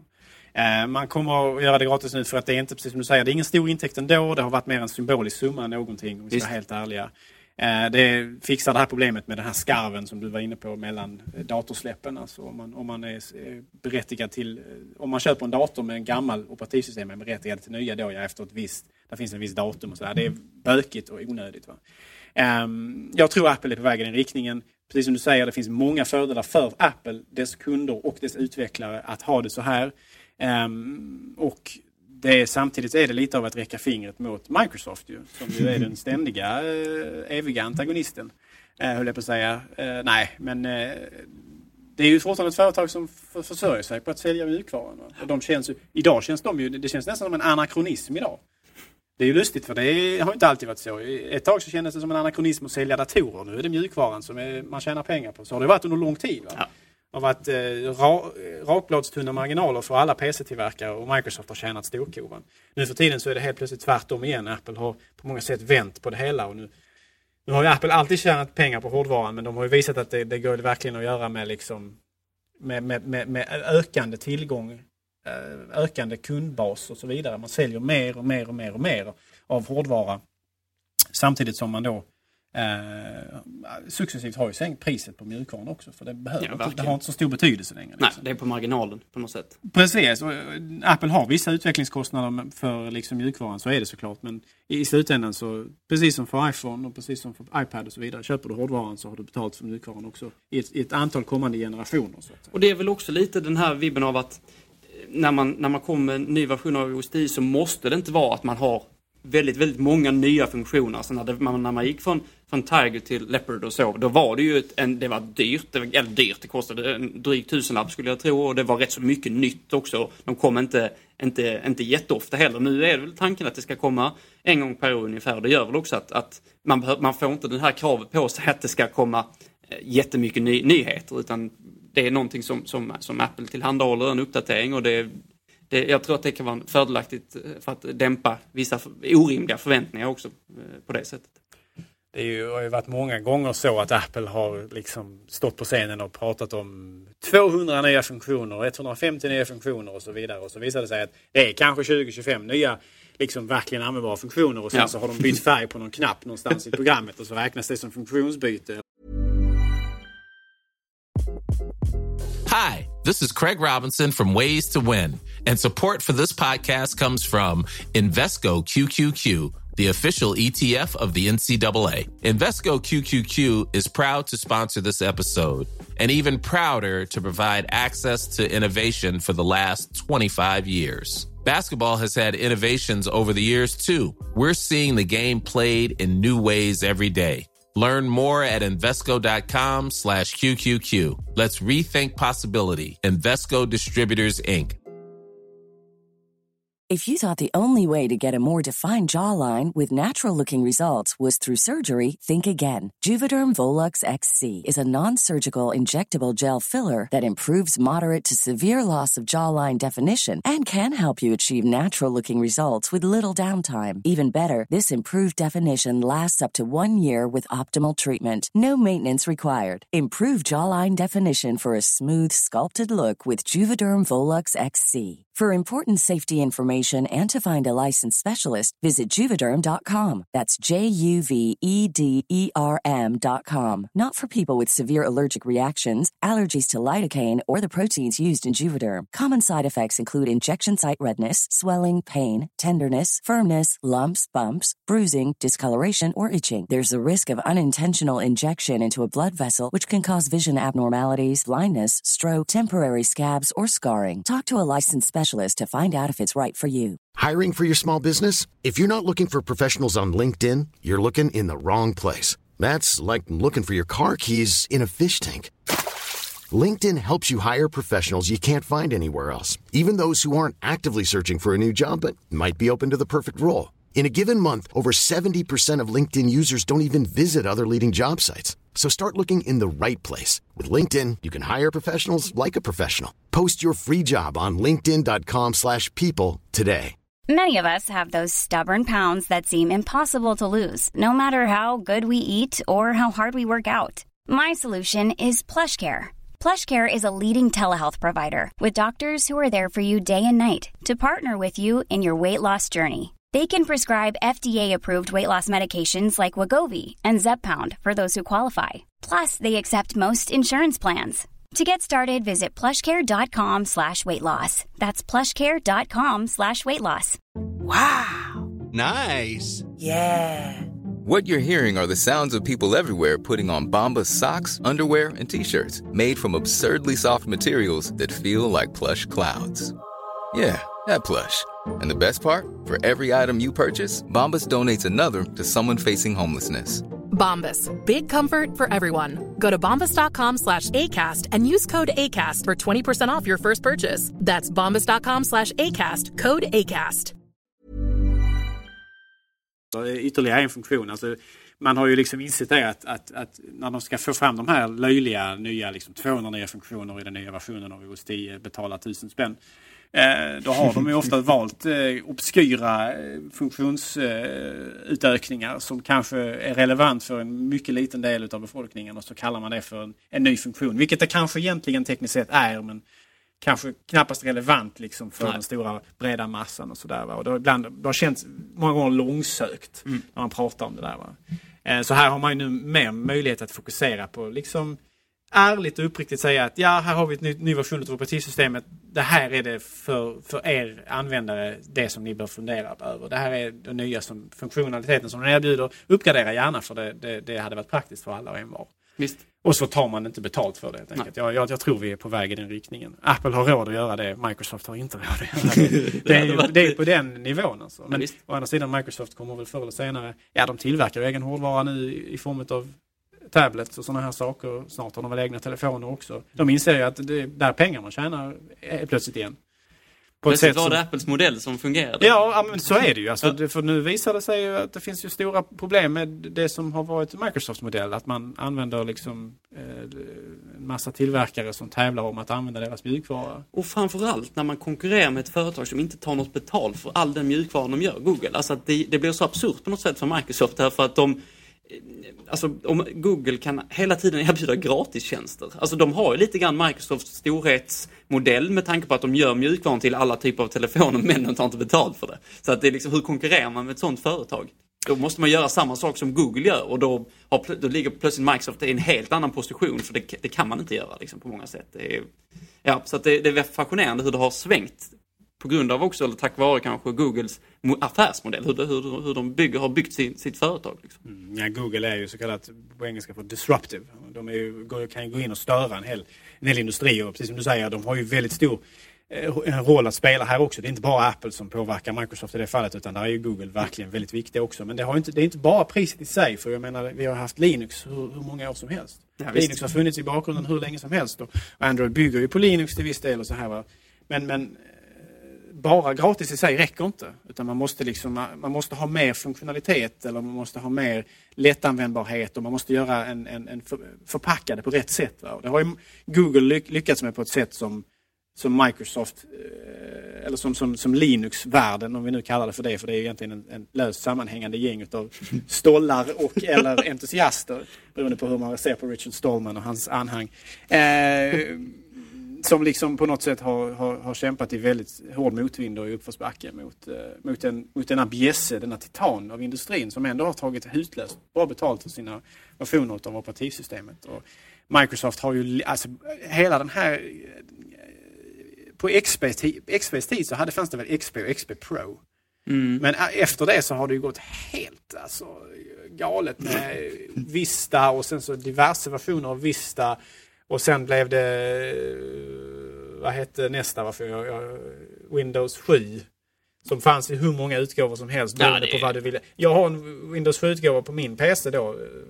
Det är ju svära i, i etern att säga så. Men, Ja, det det. Eh, och jag menar, det är någon sån här home edition eller något liknande och det finns ju stränga begränsningar för vad jag kan och inte kan göra med den. Jag kan inte ens byta språk på den alltså. Det är inte ens det kan jag göra utan då måste man liksom köpa Pro-versionen eller XP Extra Pro Plus Plus-versionen. Alltså det är helt absurt alltså. Jag undrar om ens det finns folk inom Microsoft som har riktigt koll på vad alla de här olika versionerna egentligen gör och vad de, vad de möjliggör för användaren och hur ska användarna kunna förstå det där. Och hela den här komplexiteten, den här bysantinska, eh, svårgenomträngliga eh, affärsmodellen. Eh, den är nog på väg ut för alltså. Och jag tror, jag tror Microsoft inser detta och jag, jag hoppas verkligen att de reformerar och, och, och, och gör om och gör rätt. Alltså. Så att, eh, ja. Ja, för deras skull, för, absolut. För det, deras skull, jag menar, det absolut. funkar inte uppenbarligen. Och, och det som har varit grejen också, antar jag att jag menar Linux har ju funnits som ett alternativ men det har inte varit något företag som har haft ett ansvar eller något, något alltså du har inte kunnat luta dig mot någonting. Nu finns Google här som ändå som en, som en kraft och, och, och man, folk litar på många sätt på, på Googles produkter på något sätt. Man har provat dem och många, många, många uppskattar dem i alla fall, eller man känner igen dem. Och det, det, det finns ett företag liksom som står bakom det här. Linux är en, liksom en, en väldigt fragmenterad och liksom, ja, vilken, den kan man inte luta sig mot på något sätt. Utan där måste man lite grann kunna göra saker och ting själva. Liksom. Så att det, det, är en, eh, ja, det är en väldigt stor skillnad. Och det, Google, Google blir svårt att konkurrera med också just med tanke på hur de har byggt sitt, sitt, sitt företag. Det är uppenbart att det är så.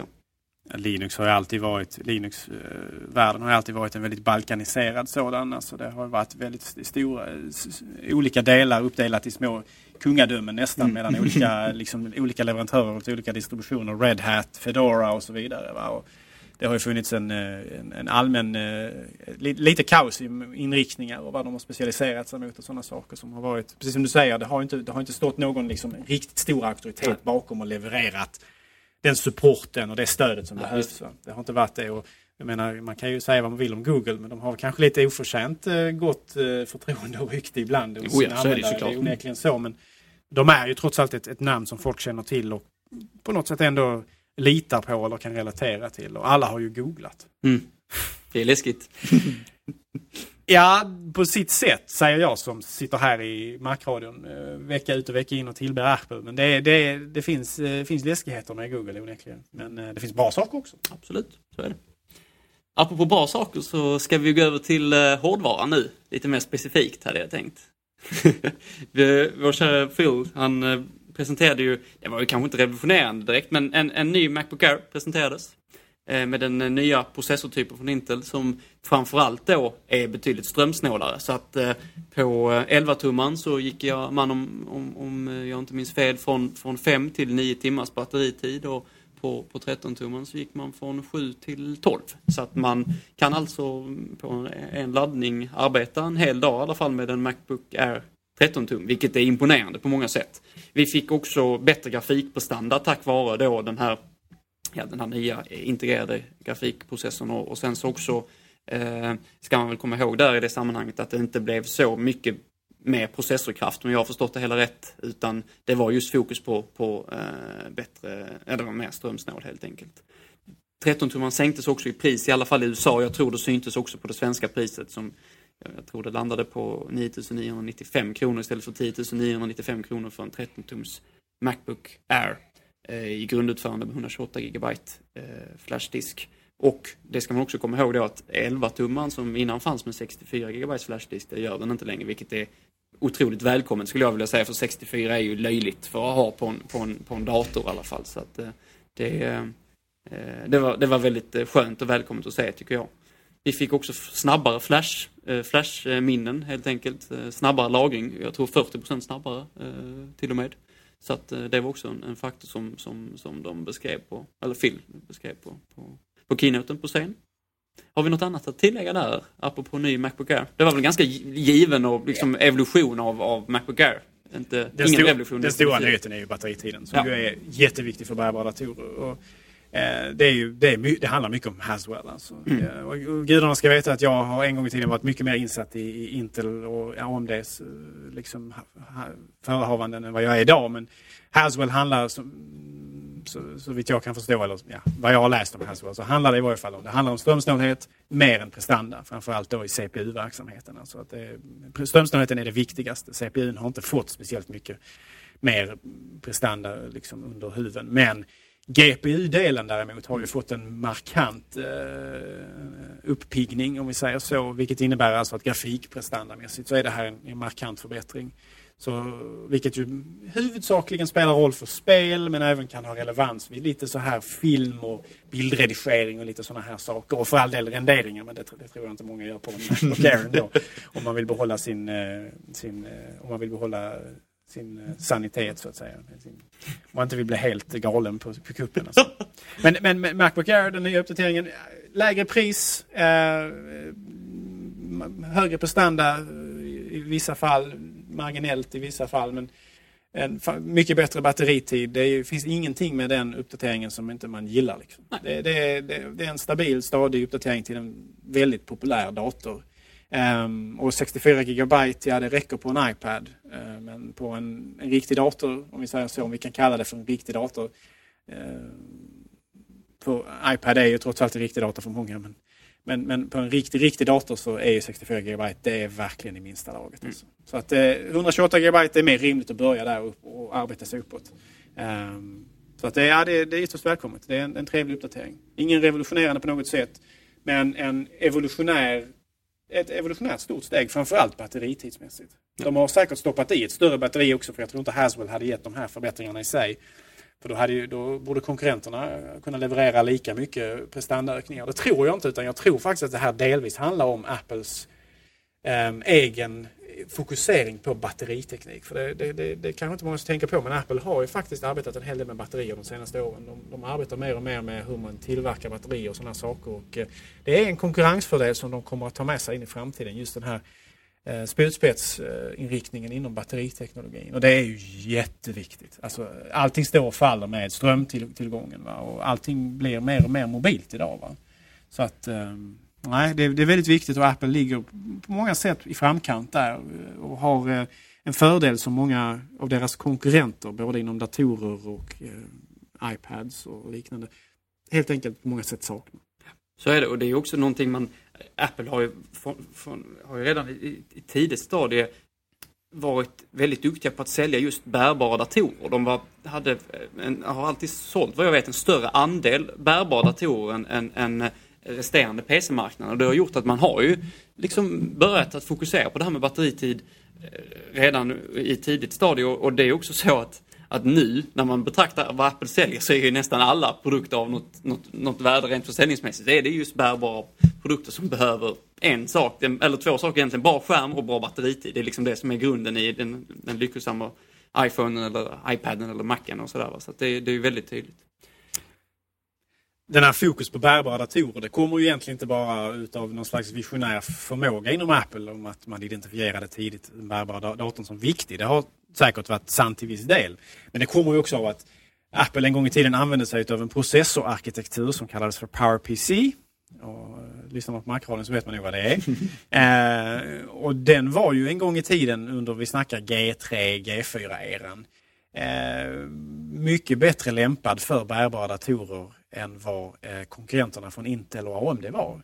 Eh, mycket bättre lämpad. Så att, eh, även, och, jag menar, Apple kunde gärna stå på scenen med Power Mac Dual G3 eller G4 och liksom spöa den senaste Pentium Pro-processorn eller vad det kan ha varit i just ett, ett par väldigt välselekterade Photoshop-tester. Photoshop-tester, gärna, gärna så lensflare-filter. Och det var ju naturligtvis, precis som du säger, Phil Schiller som skötte PCn då. uh, han fick vara lite antihjälte där. Uh, men just de, men de här G3 och G4-processorna var alltid väldigt extra lämpade för för bärbara datorer därför att det var där de var bäst. Ja. Alltså de hade, prestandan var okej okay med Altivec och lite sådana här, eh, liksom lite mer, eh, eh, vad ska man säga, eh, exotiska funktionaliteter så kunde man få ut ganska schysst prestanda med vissa lägen och så här. Men framförallt så var det det att de levererade bra prestanda till, till, till låg energiåtgång. Mm. Så du kunde få i dem i tunna eleganta maskiner eh, som Apple då släppte i form av framförallt då de första G4 Titanium-modellerna som ju var fantastiskt tunna för sin tid. Alltså verkligen fantastiskt tunna för den eran. Um, och det, så man, det var lite, lite av visionärt säkert i efterhand åtminstone men också lite av nöd helt enkelt. Ja. De hade, man var vid det laget bunden till en processorarkitektur som, som var bra i, i mobilform men som hade uppenbara brister och tillkortakommanden när man stoppade i en fysisk eh, stationär dator. Och det är intressant därför att man svängde ju där, alltså G5 var ju inte det. Den, var ju, den gick ju inte att stoppa i en bärbar produkt. Och, och, och, det gjorde ju och sin tur att Apple lämnade hela den här plattformen. Liksom, därför att då hade det gått så långt så att då var det de bärbara man ville ha in den här fantastiska prestandan i. Alltså G5 var ju en snabb dator men det var ju stor som ett hus och den skulle kylas på alla sätt och det slutade med vätska och allting och det läckte och ja, det var ju, det, det funkade ju inte liksom att stoppa ner detta i en powerbook. Så att det, var ju, det är intressant att, att man tappade det fokus vilket gjorde att man bytte hela, hela, ja, hela plattformen. Liksom. Ja, det slutar verkligen med G5, det kan man säga på många sätt. Det var, 2003 släppte de första PowerMac G5 vill jag minnas. Det var då de hade den här, de släpade fram, jag vet inte om det var University of Virginia eller något. Det var ja, något, något, större universitet i USA som byggde en superdator med hjälp av ja. G5 för den var prisprestandamässigt väldigt, väldigt välanpassad för den här den här sortens eh, beräkningsarbeten som de gjorde. Och det var, de gjorde Apple fina videos kring det hela och man visade så här dunkelt men ändå smakfullt belysta liksom serverhallar och så. Ja, det var väldigt fantastiskt. Men det väntades ju väldigt, väldigt länge på att få in den i en laptop och det var ju stört omöjligt alltså. Det, det, som du säger, det slutar ju verkligen med någon slags, eh, jag vet inte om det var vatten de hade i dem. Nej, det var vattenkyl. Det var någon, någon slags vätskekyl ja. åtminstone. Var, och, det var inte bra. De läckte och det var katastrof på många sätt. Och skulle du stoppat dem i en laptop så hade du fått fem, fem minuters batteritid och sen hade du haft ett, du kunde steka ägg på den i princip. Så att, katastrof på många sätt G5. Även fast den hade, den var löftesrik i början. IBM lovade ju så här, de gjorde en så här löfte om att de skulle nå 2 GHz inom tre. ett års... Var det tre? Förlåt. De började med två och så lovade med två. tre. Korrekt. Mm. 3 GHz inom ett års tid. Det tog väl två och ett halvt år eller någonting innan de kom upp där. Ja, de kom, jag kom inte upp kom där. aldrig upp där. Jag tror man, eh, man, man gav upp. Jag tror man skrämde upp den till 2,7-2,8 ja, kanske. 2,7 tror jag var max. Ja, och då var det typ så att eh, nästan så att den började brinna där. Liksom. Man nådde aldrig ens 3 GHz. Eh, och nu har gigahertz har egentligen extremt lite med prestanda att göra. Ja, det, det finns många andra mätsätt ändå. Så det är egentligen en ganska så... Egentligen inte, när man fokuserar på det som bara prestanda så är det egentligen väldigt oklokt. Men Apple hade gjort en stor grej av det. Att de skulle komma ja, och det var ju samma processor också som skulle få en högre klockfrekvens. För då kan det i alla fall säga någonting liksom. Ja. Och man misslyckades. Ja, väldigt. Och det var ju väldigt smärtsamt. Och 2006 så gav man helt enkelt upp och meddelade IBM samtidigt som man meddelade resten av världen att vi lämnar er bakom oss nu. Hejdå. de, fick, de fick inte ens ett samtal utan jag tror de hörde det mer eller mindre från keynotet. Alltså verkligen, alltså IBMs chefer som ansvarar för det här, de, de fick höra det samtidigt som du och jag Henrik. Jag hoppas inte de var inbjudna. De kände sig nog väldigt speciella då, eller hur? samtidigt som resten av världen får de höra det verkligen. Eh, det, det är också ett sätt att göra affärer. Ja, det känns lite Steve Jobs på något sätt. Faktiskt. Hej då! Hej då! Ha det bra! Ja. En annan hårdvarugrej som, som presenterades, det gjordes inte så stor grej av det, men det var att vi fick se en ny AirPort Extreme och en ny Time Capsule. Och eh, vad kan man säga om detta mer än att precis som Macbook Air fick det då den, den senaste trådlösa tekniken, snabbare eh, surf helt enkelt om man har eh, den här tekniken även de, de, inte bara i basstationen utan också de enheter som ansluter till den. Vi fick en helt annan formfaktor också på AirPort Extreme och Time Capsule. Den blev eh, ja, avlång, stående. Eh, det sades att det var för att det kunde förbättra räckvidden med tack på att man kunde ja, sätta antenner liksom på ett annat sätt.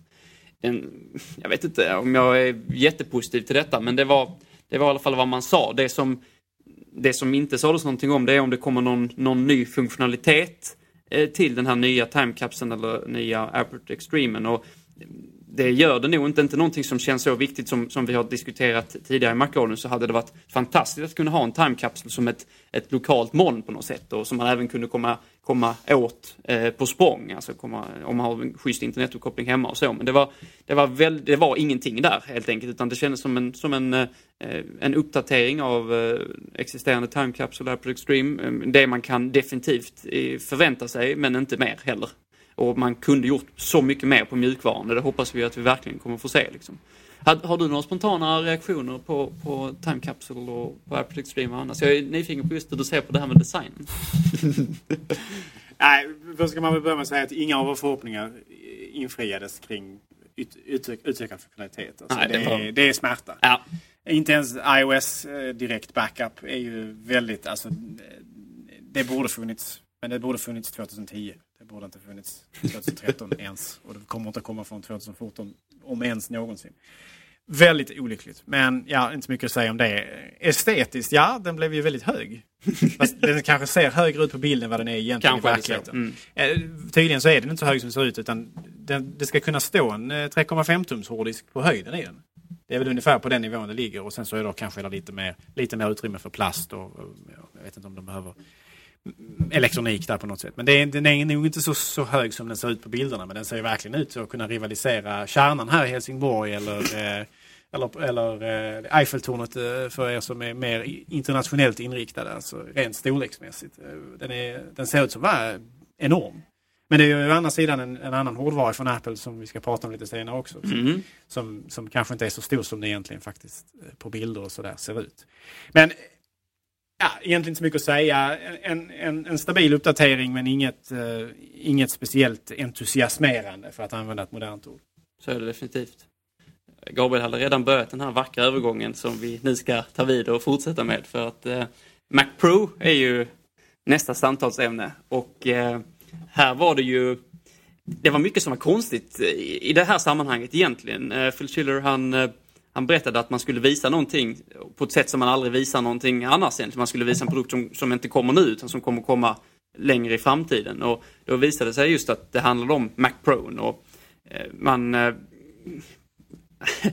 man, han drog ett skämt där på scen också att man, man eh, att, att inte Apple skulle kunna inno, innovera mer eller så. Det är bara det är skitsnack. Utan här kommer en helt ny produkt för den professionella användaren. Och det var det ju också. Vi fick eh, njuta av en form av eh, en form av film som nästan på, påminner om någon form av, eh, som, som Gabriel och jag talade om tidigare, någon form av bilracing eller någon sån här lite, ja det var lite den, den känslan man fick när den här Mac Pro-filmen eh, visades. Och man fokuserade väl mycket på hur den här produkten såg ut och då visste man inte heller det var svårt att se liksom den i proportion till någonting annat därför att eh, många menar, och det är väl kanske med all rätt också, det ser lite ut som en soptunna. Den ser rätt så stor hög ut också.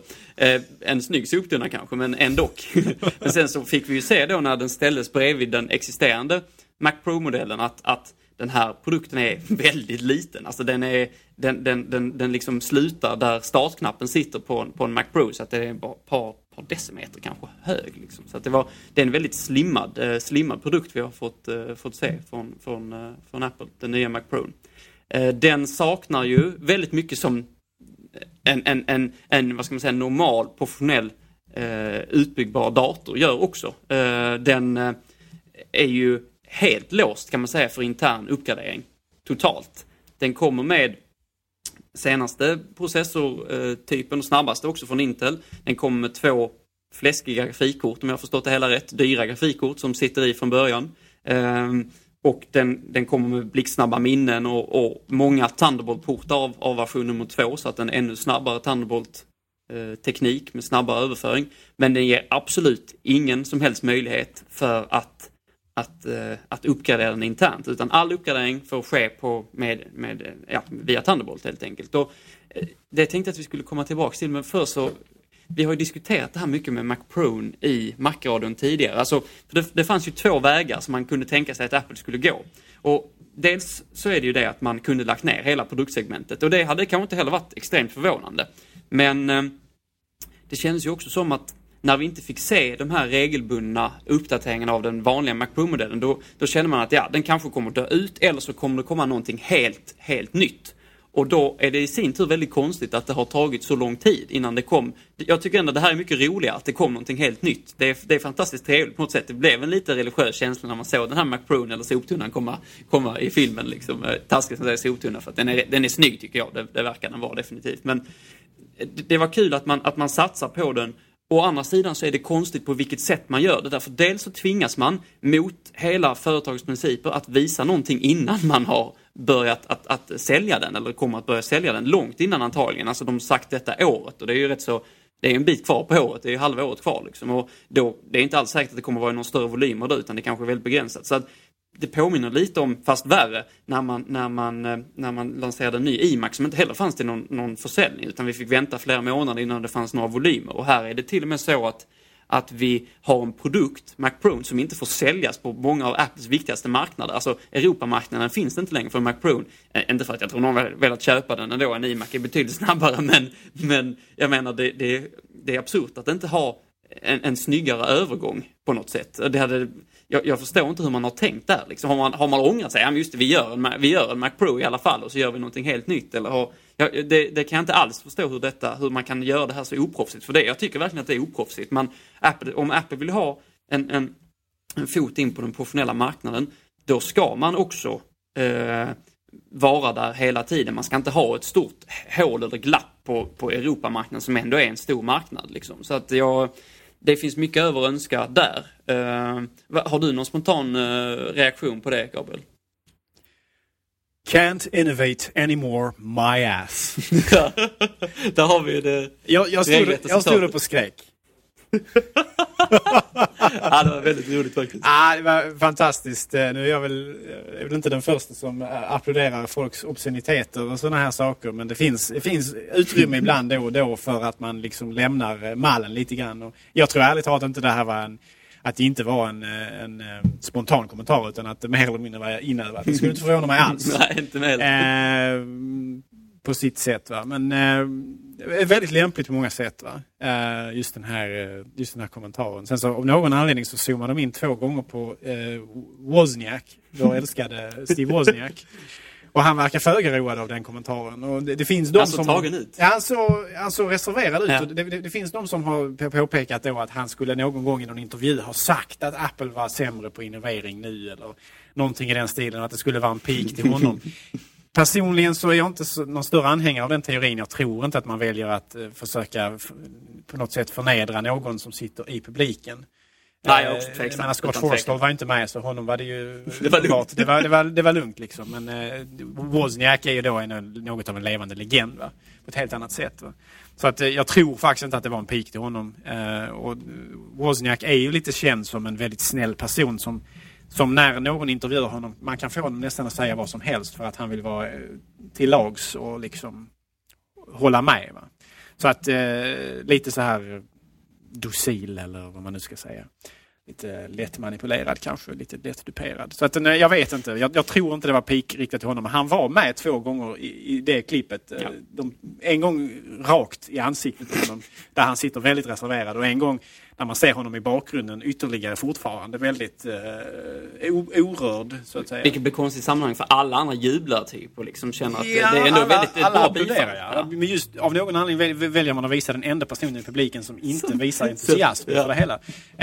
Eh, och dessutom då en legendarisk figur. Mm. Så att, eh, jag, jag vet inte hur den, den teorin stämmer eller inte men det är, jag gillar kommentaren oavsett att den kan ha varit, eh, kan ha ju varit lite utanför ramarna för eh, anständiga aptum och decorum egentligen. eh, sen det här med att man presenterar någonting innan man släpper det. Det är inte många gånger Apple gör det. Det har ju hänt förut. iPhone presenterade man ju tidigare.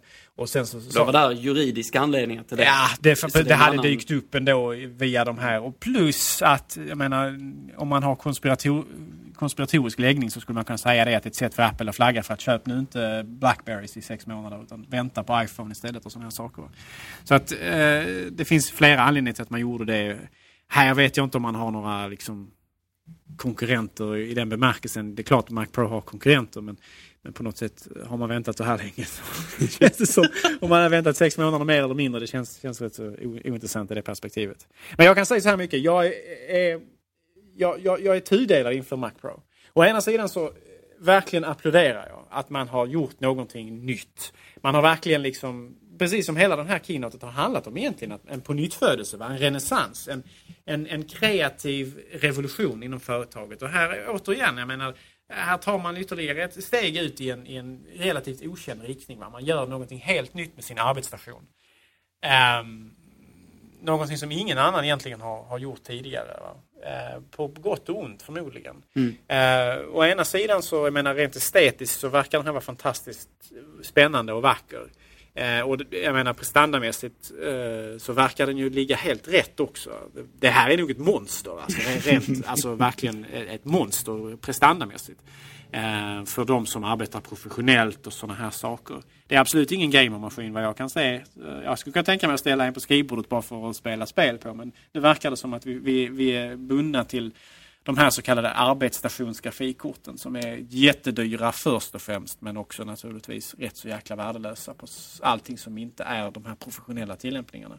De kommer inte vara bra på att köra direkt X-baserade spel eller OpenGL-baserade spel utan det, det här är ingen, det här är ingen gamermaskin eh, oavsett vad man sen tycker om om äh, Macen som gamingmaskin eller inte. Tyvärr, ur, ur mångas perspektiv, även mitt eget till viss del. Men ja, man kan förstå det lite grann. Mer någonting för, för Pixar så att säga? Det är mer liksom... Pixar, det är mer liksom institutioner, det är mer liksom professionella användare. Ja. Eh, på gott och ont. Men sen är frågan här också om den här liksom det är mycket liksom nu, jag måste, måste arbeta bort dem. Eh, om den här, eh, om den här, den här nya inriktningen fungerar.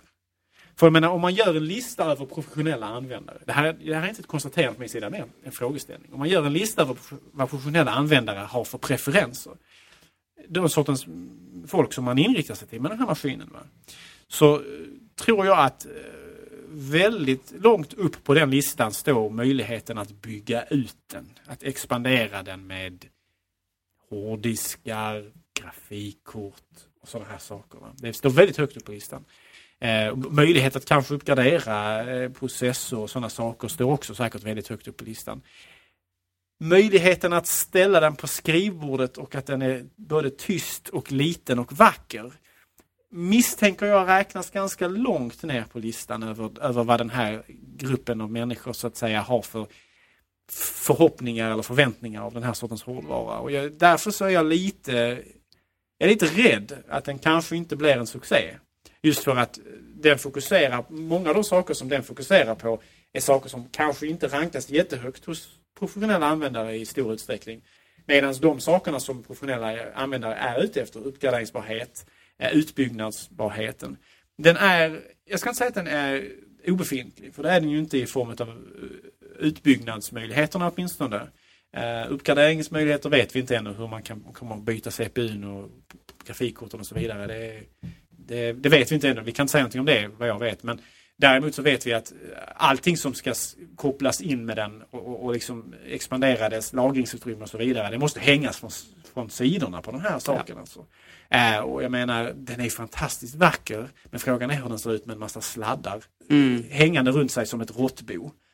Eh, det kommer ju att frånta det estetiska värdet ganska rejält. Den kommer att se ut som någon slags spindel med sina eh, ben eller tentakler som liksom sticker ut. Och det kommer säkert att komma någon innova innova innovativ tredjepartstillverkare som tillverkar en, en någon hylla eller något liknande som man ska trä över eller jag vet inte vad. Som kanske estetiskt får det här att se mindre ansträngt ut. Men jag tror inte att eh, är man villig att utöka den här med mycket ny lagringsutrymme utrymme och sådana här saker, kanske externa grafikkort, jag vet inte vad. Eh, då kommer den se ganska konstig ut. Då kommer mycket av det estetiska värdet att försvinna. Man får ju lite kubvibbar på något sätt tycker jag. Alltså att det är en produkt som kanske många vill ha för att den är så fräck men att om man står där och skulle köpt antingen den klassiska Mac Pro med bättre prestanda då såklart, eller likvärdig prestanda, och den här Mac Pro så är det säkert nu i alla fall skulle jag säga en rimlig framtid, eh, inom rimlig framtid att, att man hade valt den klassiska Mac Pro och haft alla de här utbyggnadsmöjligheterna som, som man ändå har. För det spelar ingen roll att den är så stor heller. Alltså, för den här professionella användaren har det inte så, så, så det är inte så viktigt skulle jag tippa på. Å andra sidan så visste vi väl det att om inte Apple lägger ner hela segmentet så kommer det någonting nytt och revolutionerande. Det hade ju inte känts kul om de hade presenterat en ny eller en, en bara en uppgraderad Mac Pro med ett, med ett samma chassi eller bara ett lite mindre chassi. Liksom. Det hade ju känts som ett stort antiklimax. Så att man är väldigt tudelad i hur man, hur man ser på den här ehm, eh, kommande produkten. Och det, det är klart att vi får också se lite hur det utvecklar sig. Vad, vad är det som kommer gå att byta? Hur kommer prisnivån se ut och så vidare. Det är många oklarheter och även Apple visade ju väldigt lite, får man ju säga. Men, men eh, det är inte helt givet att det kommer fungera. Det är det absolut inte.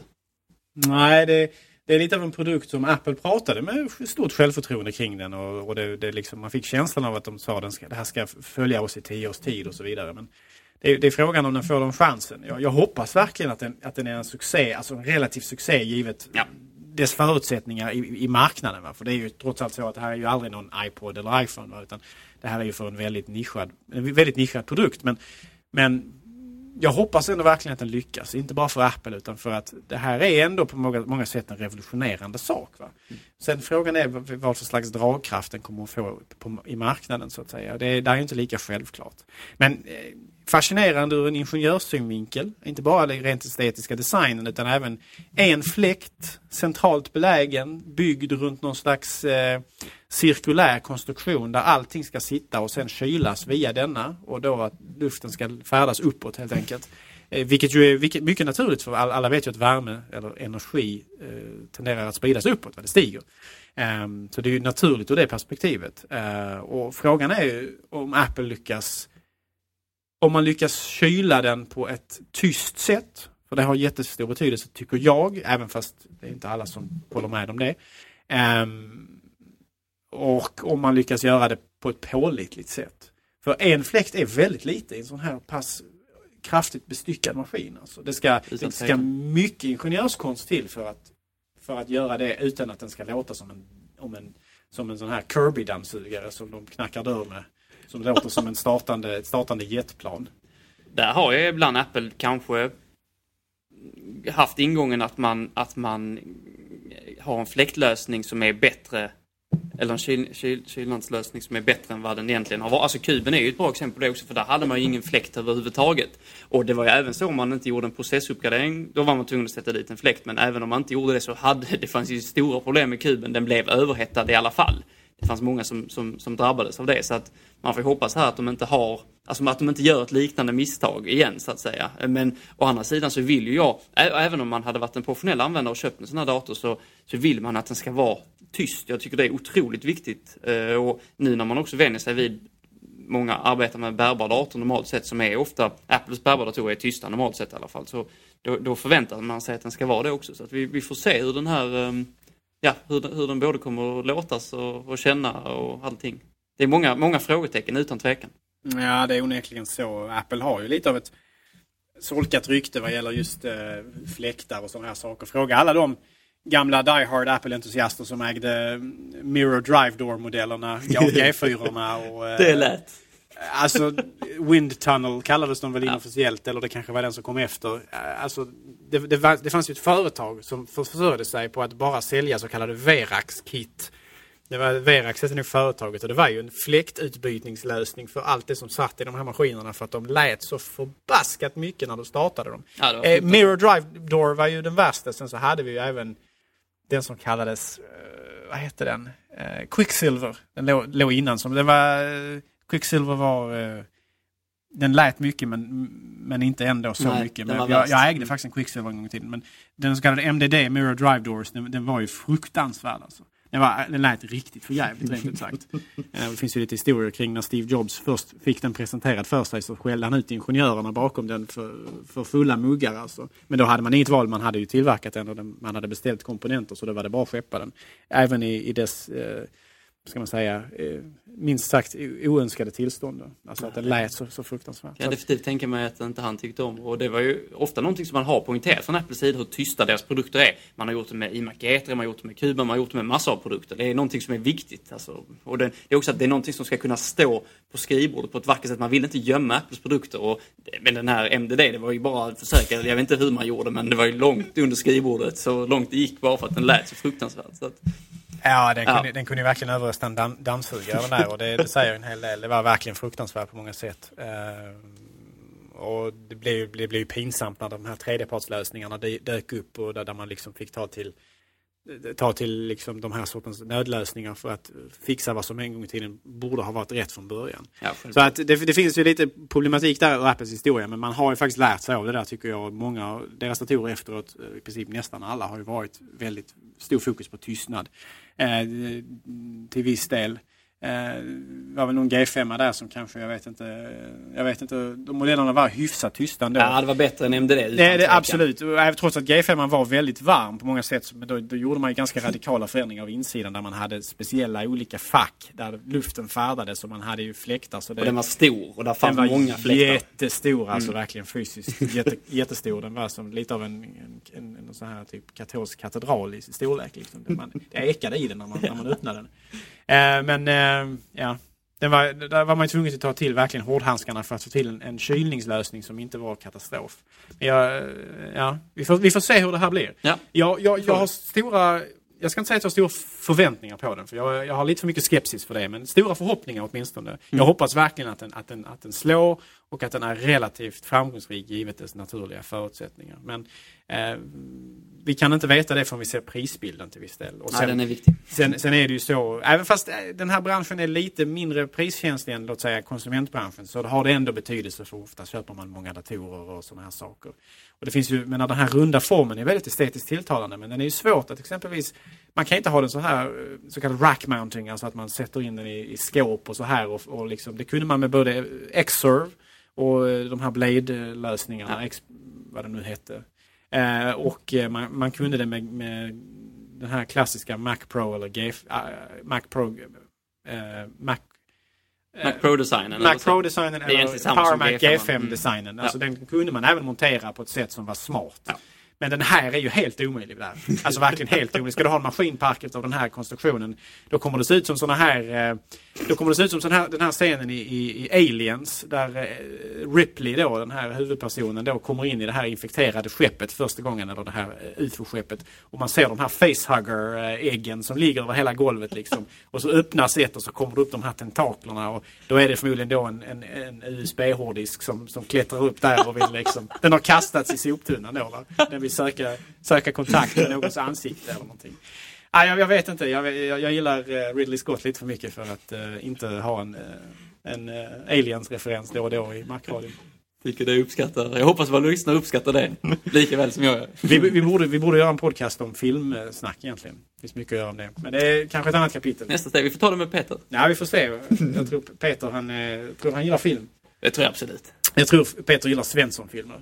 Vad så? Ja, de här eh, Svensson på semester och allt vad de heter. Vi hade tur med vädret och sånt. Ja, precis. Åh, herregud. Man bara, mm. ja, ja. ja, då kanske vi ska vända oss mot någon annan. Vi får se. ja, vi får se. Ja, då har vi... Eh, vi har inte diskuterat iWork for iCloud. Eh, finns det, vad har, vi, det har, har, du någonting att säga där spontant, Gabriel? Fantastiskt tråkig presentatör. Ja. Säger ingenting om produkten i övrigt alltså. Det, jag har inte provat den. Men presentatören givet Apples standard mm, så var han, var han, eh, jag menar han hade varit en, en stjärna på en Microsoft-presentation. Alltså, hade han presenterat Surface så hade han ju varit eh, livlinan som alla hade lutat sig mot. Men på en Apple-presentation så kändes han väldigt torr och, och tråkig. Alltså. Första gången jag ser honom så han är också eh, förmodligen eh, så att säga ny på, på, på det sättet på jobbet. Va? Eh, I offentligheten. Han kanske blir bättre. Vi har ju sett en markant, markant förbättring på Federighi och liknande. Så man får väl ge honom fler än en, en keynote. Men det var en, och jag vet inte hur exalterad man kan vara inför produkten han presenterade men det, man får förmoda att det är det han har arbetat med själv på ett eller annat sätt. han borde väl känna någon slags eh, entusiasm för det. Problemet var väl inte med honom att han upplevdes som så himla nervös utan att han var tråkig och ja. blek. Alltså det är bättre att vara nervös då och sen ändå att man ser en viss entusiasm hos personen som, som, som vi har sett andra exempel på. Men han var ju bara blek och det känns liksom som att han det var lite så här begravningsstämning på något sätt. Liksom. Ja, det var väldigt, väldigt, eh, ja, väldigt blekt. Ja. Väldigt, eh, ja, eh, inte alls inspirerande på något vis. Liksom. Nej, lite intetsägande. Det är synd, men, men som sagt, vi får ge honom fler chanser. Men ja, det här är inte första gången som Apple håller på med sådana här. Man har arbetat med experimentverkstad. Här. Ja, det, det, det, är lite, det är lite lekverkstad över det hela. Men det är mycket som har varit amatörtimmar, precis som du pratade om tidigare. Det här med avbrottet från gamla Mac Pro till nya. Det är också mm. lite amatörtimme över det. Vad, vad, handlar det om liksom? Så det där är ju ett och annat som, som är en smolk i bägaren liksom. Och det här uh, iWork for iCloud, ja. Hade det, Esse tog upp det här för mig i något tidigare avsnitt han pratade om att ja men det kommer liksom inte funka på semester som står på hotellet på uh, Bermuda eller, eller på Hawaii eller vad det nu kan vara. Så alltså, eh, liksom, eh, i de situationerna där man många gånger kanske vill komma åt molnet och använda de här tjänsterna så kanske de är otillgängliga för en. För det kommer förmodligen kräva en, en modern webbläsare i ett modernt operativsystem. Ja. Eh, och det kommer säkert att vara mycket trevligare om man sitter på en Mac. Så att det är, det är frågan är hur, hur stödet är för så att säga mer eh, gammaldags eller gammal hårdvara och sådana här saker som kommer att avgöra lite grann dess användbarhet för många tror jag. Eh, men det är ju att, att, att man får in det i molnet, det är, det är välkommet på många sätt. Vi får se, vi får se hur, hur det, produkten blir i slutändan men, eh, ja, men Google Docs behöver konkurrens. Mm. Eh, och Microsoft håller på med det här Office 365 och det är väl molnbaserat till viss del som nu även dyker upp till iPhone och iPad vad det lider och sådana saker. Förstått. Jag är inte jätteinsatt för jag tycker inte Office är så jätteintressant. Men, men ja, jag, jag gillar att Apple håller på med det här och arbetar i den riktningen åtminstone. Man kan väl säga att det är lite framförallt för de som gud förbjuder då har en, har en, har en PC också kanske på jobbet eller så som då vill kunna komma åt sina dokument man har på Macen och iPaden. Då är det ju ett, ett, ett användbart sätt och då kanske man också har en tillräckligt modern PC för att detta ska funka bra med en modern webbläsare och liknande. Va? Men eh, det är klart att, att ehm, för oss helt renläriga så spelar detta inte så särskilt stor roll därför det finns bättre versioner av, av apparna liksom i, på alla enheterna. Men visst, vi, vi får se vart det utvecklar sig och vart, vart, eh, ja, vart vi hamnar. Mm. Onekligen. Vi har ett, eh, ett ämne till för dagen. Är väl tanken. Och det är väl inte heller... Det var inte det man jublar mest över, kände jag, eh, på, på denna annars trevliga keynote. iTunes Radio. Man sparar det bästa till sist. Eh, Ja. Trodde jag var principen, men det, så var det inte i det här fallet. Tyvärr. Delvis för att det naturligtvis är extremt irrelevant för oss som inte har det. Ja. Här i, i den här delen av världen. Eh, men sen också rent i allmänhet så kan jag känna en allmän... Eh, ja. Alltså, det är ingenting som, som gör mig på något sätt eh, upphetsad av att ha liksom. Jag vet inte, jag, jag kanske får bortskämd med Spotify och jag kanske får inkörd på det sättet att arbeta men men, men den här iTunes Radio som jag har förstått det, det handlar ju om att man har, väljer inriktning på musiken man vill lyssna på. Ja. Och så, så får man då avbrott med reklam däremellan. Om man inte betalar för det här iTunes Match då väl, eh, kallas det väl. Finns det alltså möjlighet att skippa reklamen? Där ser man, det, det trodde jag faktiskt Vad inte jag jag får Ja, ja, okej. för att det är fel. Eh, Jag blir orolig nu. Men det tror jag att det finns. Om man betalar för det så försvinner det här. det, det, det är välkommet för att tvinga på folk reklam, det, det gillar jag inte alls. Nej. Så att det, det hade varit väldigt välkommet om det var Jag- jag så. valfritt. Säga. Ja, så, I så fall så ökar jag eh, glädjen lite grann inför det hela. Men, men samtidigt så det här bygger väldigt mycket på tanken av att man ska att säga, stimulera användarna att köpa musik. Mm. För det, det känner man liksom att det ligger som någon slags bakomliggande tanke. Men det är just lite så som att, ja men nu har jag en, en, en bra radiokanal där de ofta spelar musik jag tycker om och så kan jag enkelt köpa det. Så det är absolut inte en, en Spotify-ersättare för oss som tycker att Spotify gör ett, har, har en schysst funktion i våra liv liksom när det kommer till musiken. Så att, eh, mm, det är väl inte... Det beror ju på såklart vad man är för typ av användare. Har man inte Spotify så klart att det är en ny dimension. Utan tvekan är det så. Men det är inte jättespännande för, för oss som uppskattar hur man jobbar med Spotify. Den friheten som ändå finns där på något vis. Liksom. Nej, det är onekligen så. Det finns ju lite olika filosofiska inriktningar på vad, vad gäller musik. Det finns ju de som menar på att ja, men jag vill äga min musik. Eh, Och då, i ett tag så hängde de väl, väldigt mycket fast vid LP-skivor och CD-skivor och sådana här saker. Eh, och sen så finns det då de som har gått över ja, men digitalt istället då. Och jag har väl till och med gått ett steg vidare och säger att jag behöver inte äga musiken. Jag, jag, jag, jag är villig att betala en, en rimlig summa varje månad för att hyra tillgång till musik.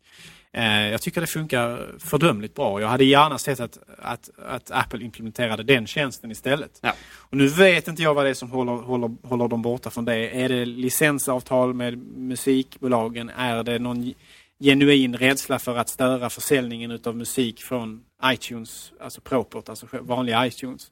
Ehm, jag vet inte vad det är som får dem att inte släppa en, en Spotify-dödare här eller en Spotify-konkurrent. Ehm, men det här är verkligen inte det och för mig så är det, oavsett om jag har tillgång till det eller inte, även fast om det hade funnits i Sverige eller jag bott i USA, så hade jag ändå inte varit intresserad av den funktionaliteten som det erbjuder. För 100 kronor Spotify, du har tillgång till det på dina enheter, du har tillgång till ett, eh, om inte obegränsat, åtminstone väldigt stort bibliotek. Du har Verkligen. möjlighet till radiofunktionalitet där du kan välja genre och inriktning och, och du kan delade spellistor och allt vad det nu kan vara för någonting. Så att, nej, för mig är det en stor gäspning faktiskt. Även fast jag välkomnar väldigt mycket det här det som du säger att man kan köpa Mm, bort mm. reklamen. Det är, är mycket välkommet. Eh, och det trodde jag, jag missuppfattat det då, trodde att man Kan inte jag har fel också utan tvekan. Men vi, vi får, det, får vi, det får vi se efter när vi får skriva inlägget hur det, hur det, hur det ser ut. Mm. Ja, nej inte, inte tummen upp för vår del i alla fall. Men detta, ta gärna kommentar på också hur ni ser på, på eh, Eh, iTunes, eh, iTunes Radio och alla de andra aspekterna vi har diskuterat idag. Mm. Ja, lite feedback har inte jag skadat. Det är alltid trevligt att, att läsa och så här vad våra, våra kära lyssnare har för tankar och funderingar kring det vi säger och det vi tar upp. Eh, och eh, vi ska väl försöka bli bättre och bättre på att liksom lyfta upp lyfta upp åsikter ur kommentarsfälten in i podcasten och därmed skapa en delaktighet på det sättet. Jag, vi har varit dåliga på den fronten. Vi läser allt som skrivs, det, det är inte så, va? men det är inte alltid att det hamnar i sändningen trots att det kanske förtjänar det. Eh, har vi varit dåliga med och det, det tycker jag att vi ska arbeta på allihopa. Så att det. eh, ta, lyfta upp det med. För att eh, det, finns, eh, det kommer bra kommentarer och då är det viktigt att man poängterar detta på ett eller annat sätt. Och, ehm, skapa diskussion kring det och sådär. Så det, det är ett åtagande från vår sida, någonting vi, vi, vi ska bli bättre på helt enkelt. Absolut. Nu känner jag att både jag och Gabriel ser lite så här svimfärdiga ut. Nu ser vi varandra också så att det är inte jättekul syn. Vi har nästan lyckats avverka två timmar här igen.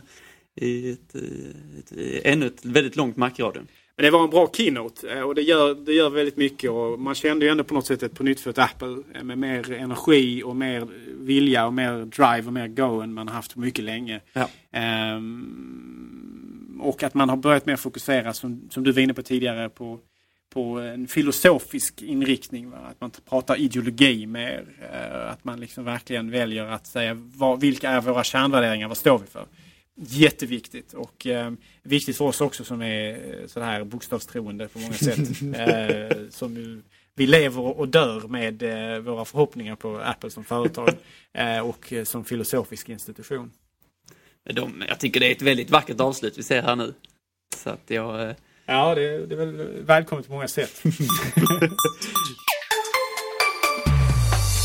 Tack så hemskt mycket för idag Abel och vi vill också tacka våra lyssnare såklart. Eh, framförallt. Och vi ser gärna att ni hjälper oss att finansiera bättre mickar så att vi får eh, en än bättre ljudkvalitet i Mac-radion, vilket vi, vi behöver utan tvekan. Tack för idag!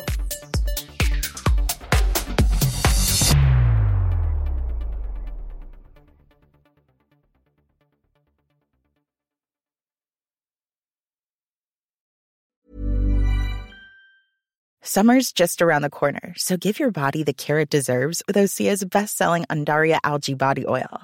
Created by infusing Undaria seaweed in barrels of botanical oils, it leaves skin silky soft and glowing. Plus, it's clinically proven to improve elasticity and deeply moisturize without feeling greasy. It's safe, clean, vegan skincare. Get 10% off your first order at OseaMalibu.com with code GLOW, plus free shipping on orders over $60.